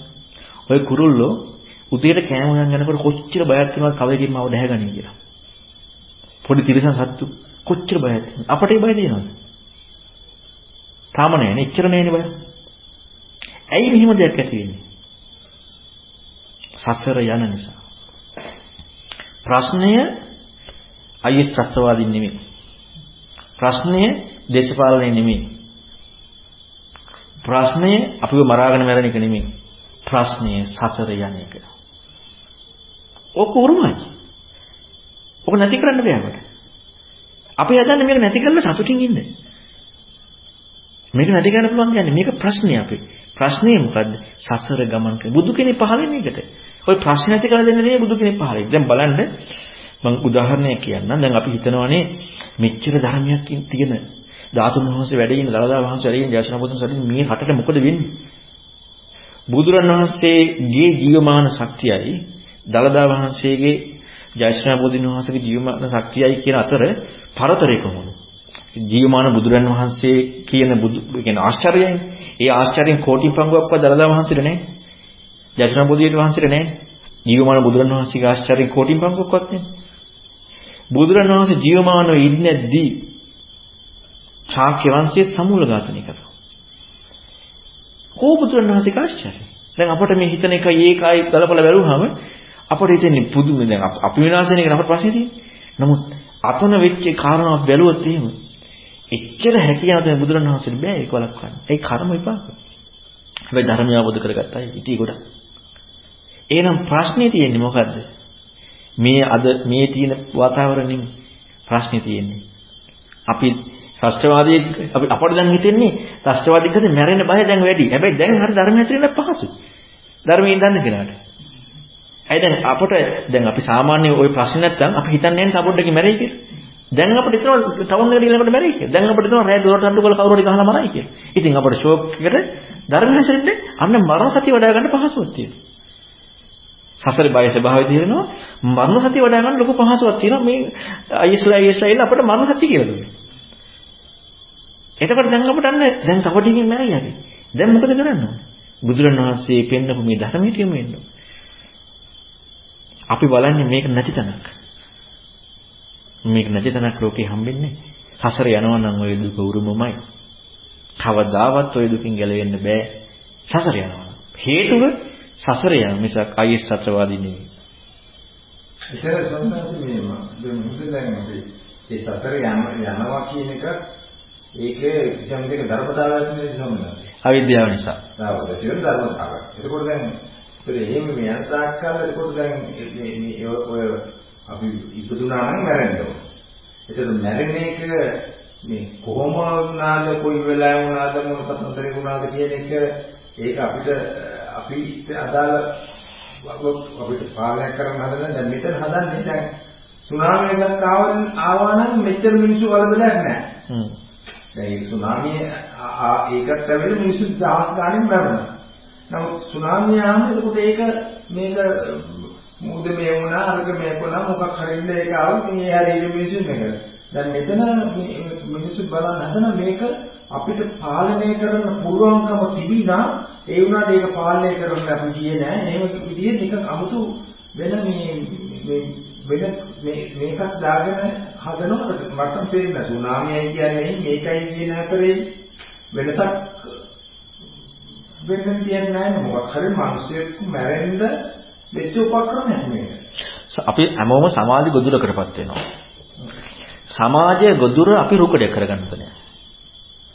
අපි සමාජය අපි නටවනවා. දැන් මේ සමාජ ගොදුර නිසා අපි නටේනවනේ එකට. අපේ ධර්මයේ තුලින් අපි ශක්තිමත් වුණාම සමාජ ගොදුර, සමාජ ව්‍යසනයේ, සමාජ ප්‍රශ්නේ විසින් අපිව නටවන්නේ. අපිව මෙහෙවන්නේ. අපිව වෙන දෙයකට යොමු කරන්නේ සමාජ ව්‍යසනයේ. සමාජ විශ්නයේ විසින් අපිව වෙනසකට යොමු නොවෙන්න නම් අපි තුල බුදුරණවහන්සේ පෙන්වපු ධර්මයේ ඉස්හාර භාවයක් එන්න ඕනේ. එතකන් අපිට මේක තියෙන අපි ලෝකේ ජීවත් වෙන තැනදී ඒ ඒ කෘත්‍ය රජට සජාට අයිති. ඒක ඒක රට පාලනයනේ. මේ අපි මේ ධර්මයත් එක්ක බලනකොට ඒක වෙන පැත්තක්. රට පාලනය කරන එක වෙන පැත්තක්. ඒක යාගේ කටයුත්තක්. යාලා ඒ අපි ඒකට වදුරු වෙලා ඉන්නවා. අපේ එක්ක කර්ම විපාක ස්වභාවය නැත්නම් අපේ අපේ හිත දියුණු තියෙනවා. අපි ඒ නිසා මේ සමාජ අවබෝධයට ගොදුරු වෙලා ඉන්නවා. ඉතින් ඒ නිසා අපි බලන්න ඕනේ හැම වෙලෙම බුදුරණවහන්සේ වෙන්න පුදෙත් එක්ක මේ සසර, ඒ කියන්නේ අපි සසර ගමන් කරන ස්වභාවය. මේ ප්‍රශ්නේ අපට අපි ඇයි ඇයි බුදුරණවහන්සේ ධර්මය අහන්නේ? අයි ධර්ම ඉගෙන ගන්න. සංසාරේ යන නිසානේ. මේ දුක උරුම නිසානේ. ඉතින් දැන් අපි හොදන්නේ මේකෙන් පලා යන්න හපව. අහපව හදන පලා යන්න. අපි එතනත් හොයන්න ඕනේ මොකද්ද? මේකට හේතුව මොකද්ද කියලා. අන්න බුදුරණවහන්සේ වෙන ධර්මයට ආයලන් වෙන්නට ඕනේ. තව මම කාරණාවක් කියන්න මේ මේ මේ සම්බන්ධයෙන් තව ලොකු බයක් ඇති කරගන්න. දැන් මම මේ කලින් කියලා ඇති සමහරවිට. බුදුරණවහන්සේ පෙන්වා දෙනවා ලෞකික සම්මාදිට්ඨිය නැති කෙනෙක් ඒකාන්තයෙන් නිරයන. කියන්නේ පිනපව විශ්වාස නැති මෙලෝ පරලෝ විශ්වාස නැති කෙනා ඒකාන්තයෙන් මරණින් මත්සි නිරයන්නේ. කල්ප 100ක් ආපස්සට බලනවා මේ විශ්වාස නොකර නැත්නම් වෙන අන්‍යාගම් අන්‍යාගම් කෙනෙක් බලන්න. සුගතිය ගියාද? එක්කෙනෙක් ගියා. එයා මේක විශ්වාස කරයි. කල්ප 100කටම එක්කෙනා සුගතිය ගියා. ඒත් මේ ලෞකික සම්මාදිට්ඨියෙන් යුක්ත කෙනෙක්. අන්‍යාගමක උනාට. එහෙනම් අපි දැන් ඒ බුදුරණවහන්සේගේ ඒ කාරණාව එක්ක අපි බැලුවොත් එහෙම නියත මිත්‍යා දෘෂ්ටික කෙනෙක් ලෞකික සම්මාදිටින් තොර කෙනෙක් මැරලා ගිහිල්ලා කවුද උපදින්නේ? මොකෙක් කියලාද? තිරිසන් ලෝකේ නැත්නම් නිරේ. ඔය දෙකින් එකට මිනිස්සු කවදාවත් වෙන්නේ නැහැ. බුදුරණවහන්සේ පෙන්නපු දෙයට කවදා මිනිස්සෙක් වෙන්නේ? මුස්ලිම් අය, ක්‍රිස්තියානි අය. නියත මිත්‍යා දෘෂ්ටිකද නැද්ද? පිනපව විශ්වාස කරන්නේ වෙන කෙනෙක්ගේ මැවීමක් විශ්වාස කරනවා. එතකොට එහෙනම් ඒ විශ්වාසයේ එක ඒ දෘෂ්ටියත් එක්ක මරණයෙන් සුගතියෙහිමේ දුගතියෙහිමේ කිරීම නිරේහිම වෙනවා. අද ලෝකයේ ධනවත් බලවත් කවුද? ක්‍රිස්තියානි මුස්ලිම්යි. එතකොට ඒ කවුරුවත් කලින් ජීවිතේ ක්‍රිස්තියානිද මුස්ලිම්ද? මේ බුදුරණවහන්සේගේ මේ කරුණත් එක්ක මේ දැන් ওই ධනවත් බලවත් වෙලා ඉන්න ක්‍රිස්තියානි මුස්ලිම් අය කලින් ජීවිතේ ක්‍රිස්තියානි මුස්ලිම් වෙලා ඉපදලා තියෙනවා. නෑනේ. ඉපදුනා නම් එයාලා මැරලා කිරීමේ කොහෙද යන්නේ? නිරේ මිනිස්සෙක් ඉන්නේ. මේ ලෝකේ හොඳටම පින් කරන්න පුළුවන් කාටද? බෞද්ධයන්ට? ඒ කියන්නේ ප්‍රතිග්‍රාහක සහ ලබන දෙපැත්තම හොඳ දේත් එක්කනේ පින හොඳ රෙස්පොන්ඩ්නේ ආයුෂවන සැප ලැබෙන්නේ. ඒතර ඔච්චර මුස්ලිම්ලට ධනවත් ධනයක් හම්බෙලා ක්‍රිස්තියානි ධනයක් හම්බෙලා උපදින්නේ පින් කළද නැද්ද? එයාලා කලින් මුස්ලිම් ගයක් තියනවද? කලින් ජීවිතේ. නෑනේ. ඔය පින විපාක නිපදලා තියෙන්නේ. කවුද ඔය පින කරන්නේ? ඔහොම ඔහොම විපාක දෙන්නේ. බෞද්ධය නෙමෙයිද? බෞද්ධයනේ. කවුද ඔය එන ඔය කට්ටිය? බෞද්ධයම. දැන් වෛර කරන්නේ කාටද? බෞද්ධය. බෞද්ධය. කවුද? බෞද්ධය. ඇයි එහෙම වෙන්නේ? බුදුරණවහන්සේ සරණ කියන්නේ. ඒ කියන්නේ අර මූලික සරණ මම කියන්නේ ශ්‍රද්ධාවෙන් යුක්ත මේ දර්ශනීයට ආවේ නැහැ. මොකද්ද පතන්නේ? ආයි පතනවා මේ දුක නැතුව ඉන්න අපට ලැබෙනවා. ආයාචනාවක් කරනවා. ප්‍රාර්ථනාවක් කරනවා. මොකද්ද මේ දුක මට එන්නේ නැතුව ඉන්නවනම් හොඳයි කියලා. බෝධියෙන් හරි චෛත්‍යයෙන් හරි මොකෙන් හරි බුදුරන් වහන්සේගෙන් හරි මේ දුක නැති වෙනවා නම් හොඳයි කියලා අපි ප්‍රාර්ථනාවනේ කරන්නේ. ඒ කියන්නේ ඒ දෙයක කරලා දෙන්න පුළුවන් නම් හොඳයි කියලා අපි අපේ චින්තනයේ තියෙන්නේ. ඊළඟට ඒ වගේම තියෙන අපිට මේ පිනත් කරනවා. අපි අර පැහැදිලි වෙන්නේ. හැබැයි ওই දෙක කොච්චර තිබුණත් ශ්‍රේෂ්ඨ මනුෂ්‍ය පාදක කරගෙන කරාට දර්ශනීයනේ. දර්ශනීය කරුත්වයක්, ඒ කියන්නේ දර්ශනීය පිළිබඳ යොමු වෙලා නැහැ. දැන් මේ චින්තනය ඔන්න සැප අවශ්‍ය දෙයට පින රැස් වුණා. දැන් එහෙනම් ඒකට සැප විපාක ලැබෙනවද නැද්ද? දැන් චින්තනය මොකද්ද? යදින ආයාචනා කරන ප්‍රාර්ථනා කරන චින්තනය. දැන් මොකද ඉන්නේ? යදින ආයාචනා කරන ප්‍රාර්ථනා කරන තැන කියලා උපදිනවා. අන්න මුස්ලිම් ක්‍රිස්තියානි ආගම කියලා උපදිනවා. ඒ යදිනවනේ දැන් මේ යදීට වඩා ලොකු යදීමක් හිතන් තියෙනවා. අන්න යදීම කියලා උපදිනවා. ප්‍රශ්නේ මොකද්ද?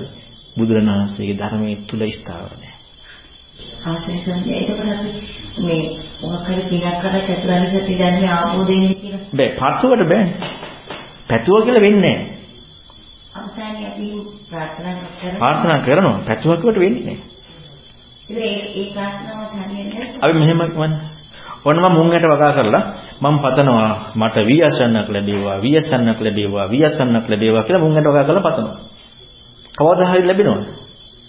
කවදාම හෝ දවසක මම මුංගට වගා කරලා වී ලැබේවා වී ලැබේවා වී ලැබේවා කියලා මම කොච්චර පැතුවද? කවදා හෝ මට වී ලැබෙනවද? කවදාවත් වී ලැබෙන්නේ හැබැයි ලැබෙනවා දෙයක්. විමුංගට ලැබෙනවනේ. අපි දන්නවා මනුෂ්‍යත්වයක් එක තමයි මේ ධර්මය අවබෝධ ගන්න පුළුවන්. එහෙනම් ඒ පරිසරය ලැබෙනවා. හැබැයි ඉතින් මුස්ලිම් කෙනාට ධර්ම අවබෝධ කරන්න පුළුවන් බැරි නේ. හැබැයි ඉතින් ඒක ඇහෙන්න ඕනේ. ඒක ලැබුණේ නැහැ. ඇයි? ධර්මයට ධර්මයට යමු නොවිච්ච නිසා ඒක ලැබුණේ නැහැ. හැබැයි අර ප්‍රාර්ථනාවේදී ඒ කරපු දෙයේදී අන්න ඒ අවස්ථාව ලැබුණා. හැබැයි ධර්මය ලැබුණේ ධර්මයට ගරු කිරීම ධර්මයේ සත්‍යාර කිරීම. තමයි මේ දැන් අපි හිතන්නේ මේ මගපල් ලබන්න නැහැ මගපල් ලබන්න නෙමෙයි. අපිට මේ ඒක ඉදිරියට යන්න හරි ඒකට ගරුත්වය ඕන. වෙන දෙයක් එක්ක යමු වෙනසෝ අනිත් සම්මත දැනට බෞද්ධ කියන ලේබල් එකකින් ඉන්න බෞද්ධයක් කරන්නේ ඒවද දැන් ඉන්නනේ වනේ ඇත්තටම බෞද්ධ නෙමෙයි මේ ආගමක්. මම ඒකට අපි බෞද්ධ බුදුජානක වහන්සේ විතර අර දේවා දේවාල වල යන ඒවා නැකත් බලන ඒවා ඒවා ඒවා ඒවා කිරීම ඒත් අයි බුදුරන් වහන්සේ කියන්නේ කවුද කියලා දන්නේ අපි බුදුරන් වහන්සේ කියලා අපි දෙයියෙක් නෙමෙයි කියලා හිතුවට බඹෙක් නෙමෙයි කියලා හිතුවට මිනිස්සෙක් වුණත් අපි දන්න දෙයියන්ටත් බඹවටත් වඩා ශ්‍රේෂ්ඨ කෙනෙක්. ඒ වුණාට අපි දර්ශනයත් එක්ක නෙමෙයි බුදුරන් වහන්සේ හම්බුනේ. අර කට්ටෙන් වඩා ශ්‍රේෂ්ඨ කෙනෙක්. ඒ පුජ්‍යලි මිනිස්සෙක්. ශ්‍රේෂ්ඨ මිනිස්සෙක්. ඒකයි එයාට විශාල පිනක් සිද්ධ වෙන්නේ. මොකද බුදුරණවහන්සේ පෙන්වන්නේ ශ්‍රද්ධාමත්තම් ප්‍රේමත්තම් කියන සබ්බේතේ සංඝපරායන මිසක් එතනින් පස්සේ ආයසුක තියනවා එතනින් පස්සේ එහෙම කියන්නේ. ශ්‍රද්ධානුසාරී කියන අවිතන සොතපන්නේ. එහෙනම් එතෙන් ආව තැනදී විතරයි ඒ ඒකට ඉලක්කය හරි තියෙනවනම් අන්න එයාට තමයි ඉස්සරහ තියෙන්නේ. සම්මත සාස්ත්‍රයට අපි දැන් අනිත්‍යන්නේ අර ජනකතුමාගේ මේක වළක්වන්න කිව්වත් එහෙමම අපි දොස්කෝ පැහැදිලි අපුසට අනිවාර්යයෙන් දේශයක්නේ. ඒකයි මගේ සමාජ ගොදුරක් අපි වෙනවා. ඒ කියන්නේ මේ ප්‍රශ්නෙට දැන් කොහලා කිව්වත් මම මටත් ඒ ගතිය තියෙනව නැත්තේ නේ. අපි සිහිය පිරන ඔක මේව කරන්න ඕන. ඒකයි ධර්ම කියනවා කියන්නේ. එනි සිහිය පිහිටවාගෙන සිහිය යොමු කරගෙන යොමු කරන ඔය ඒ හිතන ඒ අපි අපිට දැන් තරහයි තරහින් නැත්තේ කාටද? අනාගාමී කරානේ. එතකොට එහෙනම් තරහින් පාද කර්මයක් වෙන්න ඕනේ. මේක පාද කර්ම තරහින්ද? ඒක අකුසලයක්. අන්න හික්මනවා කියන්නේ මොකද්ද? හික්මනවා කියන්නේ ඒකට යොමු කර කර ධර්මයේ යොමු කර කර අන්න සත්‍ය බලන්න ඕනේ. හැබැයි අපි ඒ තුලම වාසය කරනකොට අන්න හික්මීම මේක ධර්මයට ලං වෙනකොට අරක අතහැරෙනවා. ඒ නිසා මේක මේ මේ කාරණාව ගොඩක් අය හිතන්නේ අපි හිතන්නේ ඔය මුස්ලිම් ක්‍රිස්තියානිලා ඉපදින්නේ අනික කලින් කලිනුත් ඔය වගේ ඒ ඒ කට්ටියට කවදා එහෙම හැකියාවක් නැහැ. ඔය කිසි කෙනෙක් බෞද්ධයෙක් මුස්ලිම් ක්‍රිස්තියානි වෙලා උපදින්නේ නැහැ අපෝ. අන්තසන්නට ධර්මය අවබෝධ කරගන්න නැත්නම් මුස්ලිම් අයට ද්වේෂිත කරගෙන දරුණු ඉවරයි. අනික තව වැරද්දම දේ තමයි. පව මුස්ලිම් කට්ටිය. මොකද හේතුව දෘෂ්ටිය වැරදි. අපි අපි ඊට වඩා මෝඩයි. ඇයි? අර අර කට්ටියන් මෝඩ රාමුවන්නේ තියෙන්නේ. අපි මේ පිනපව විශ්වාස කරලා දේශ කරනවා. ඇයි අපි දන්නවා පිනයි මේ දේශ කිරීම අකුසලයක් වෙනවා. එහෙම දැන දැන අර දන්නේ නැති පව් අහිංසක මිනිස්සුන්ට. අහිංසකයි කියලා කියන්නේ සතරට සාපේක්ෂව. ඔව් ඉතින් මේ මිනිස්සුන්ට අපි වෛර කරනවා. අනිත්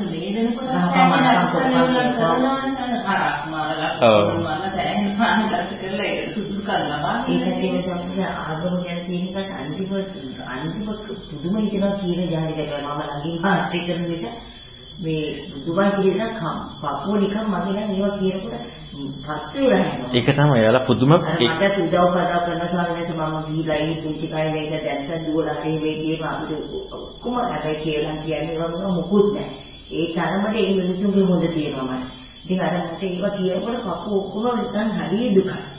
ඒකට අර මොනවයි දාන්නේ හදනකොට එහෙම එයා උදව් කරොත් මං කියනවා සතුටු වෙන්න කියලා මම කියනවා ලොකු පිළිගන්න හොඳයි කියලා කියනවා. ඒක තමයි ඉතින් ඒ ඒකත් එකයි බලනකොට අපි එයාලාට තරහ ඇති කරගෙන වැඩන්නේ. ඒ කියන්නේ තරහ ඇති කර ගැනීම ඒ කියන්නේ ලෝකයේ මට්ටමින් මේ ඒ කියන්නේ බෞද්ධ ආගම කියන එක ශ්‍රේෂ්ඨ ආගමක්. ඒ කියන්නේ අනිත් ආගම් වලට ගත්තාට පස්සේ ශ්‍රේෂ්ඨ ආගමක්. ඉතින් මේ ආගමේ ඉන්න කට්ටිය ඒ ආගම රකින්න උත්සාහ කරලා කමන්නේ නැහැ.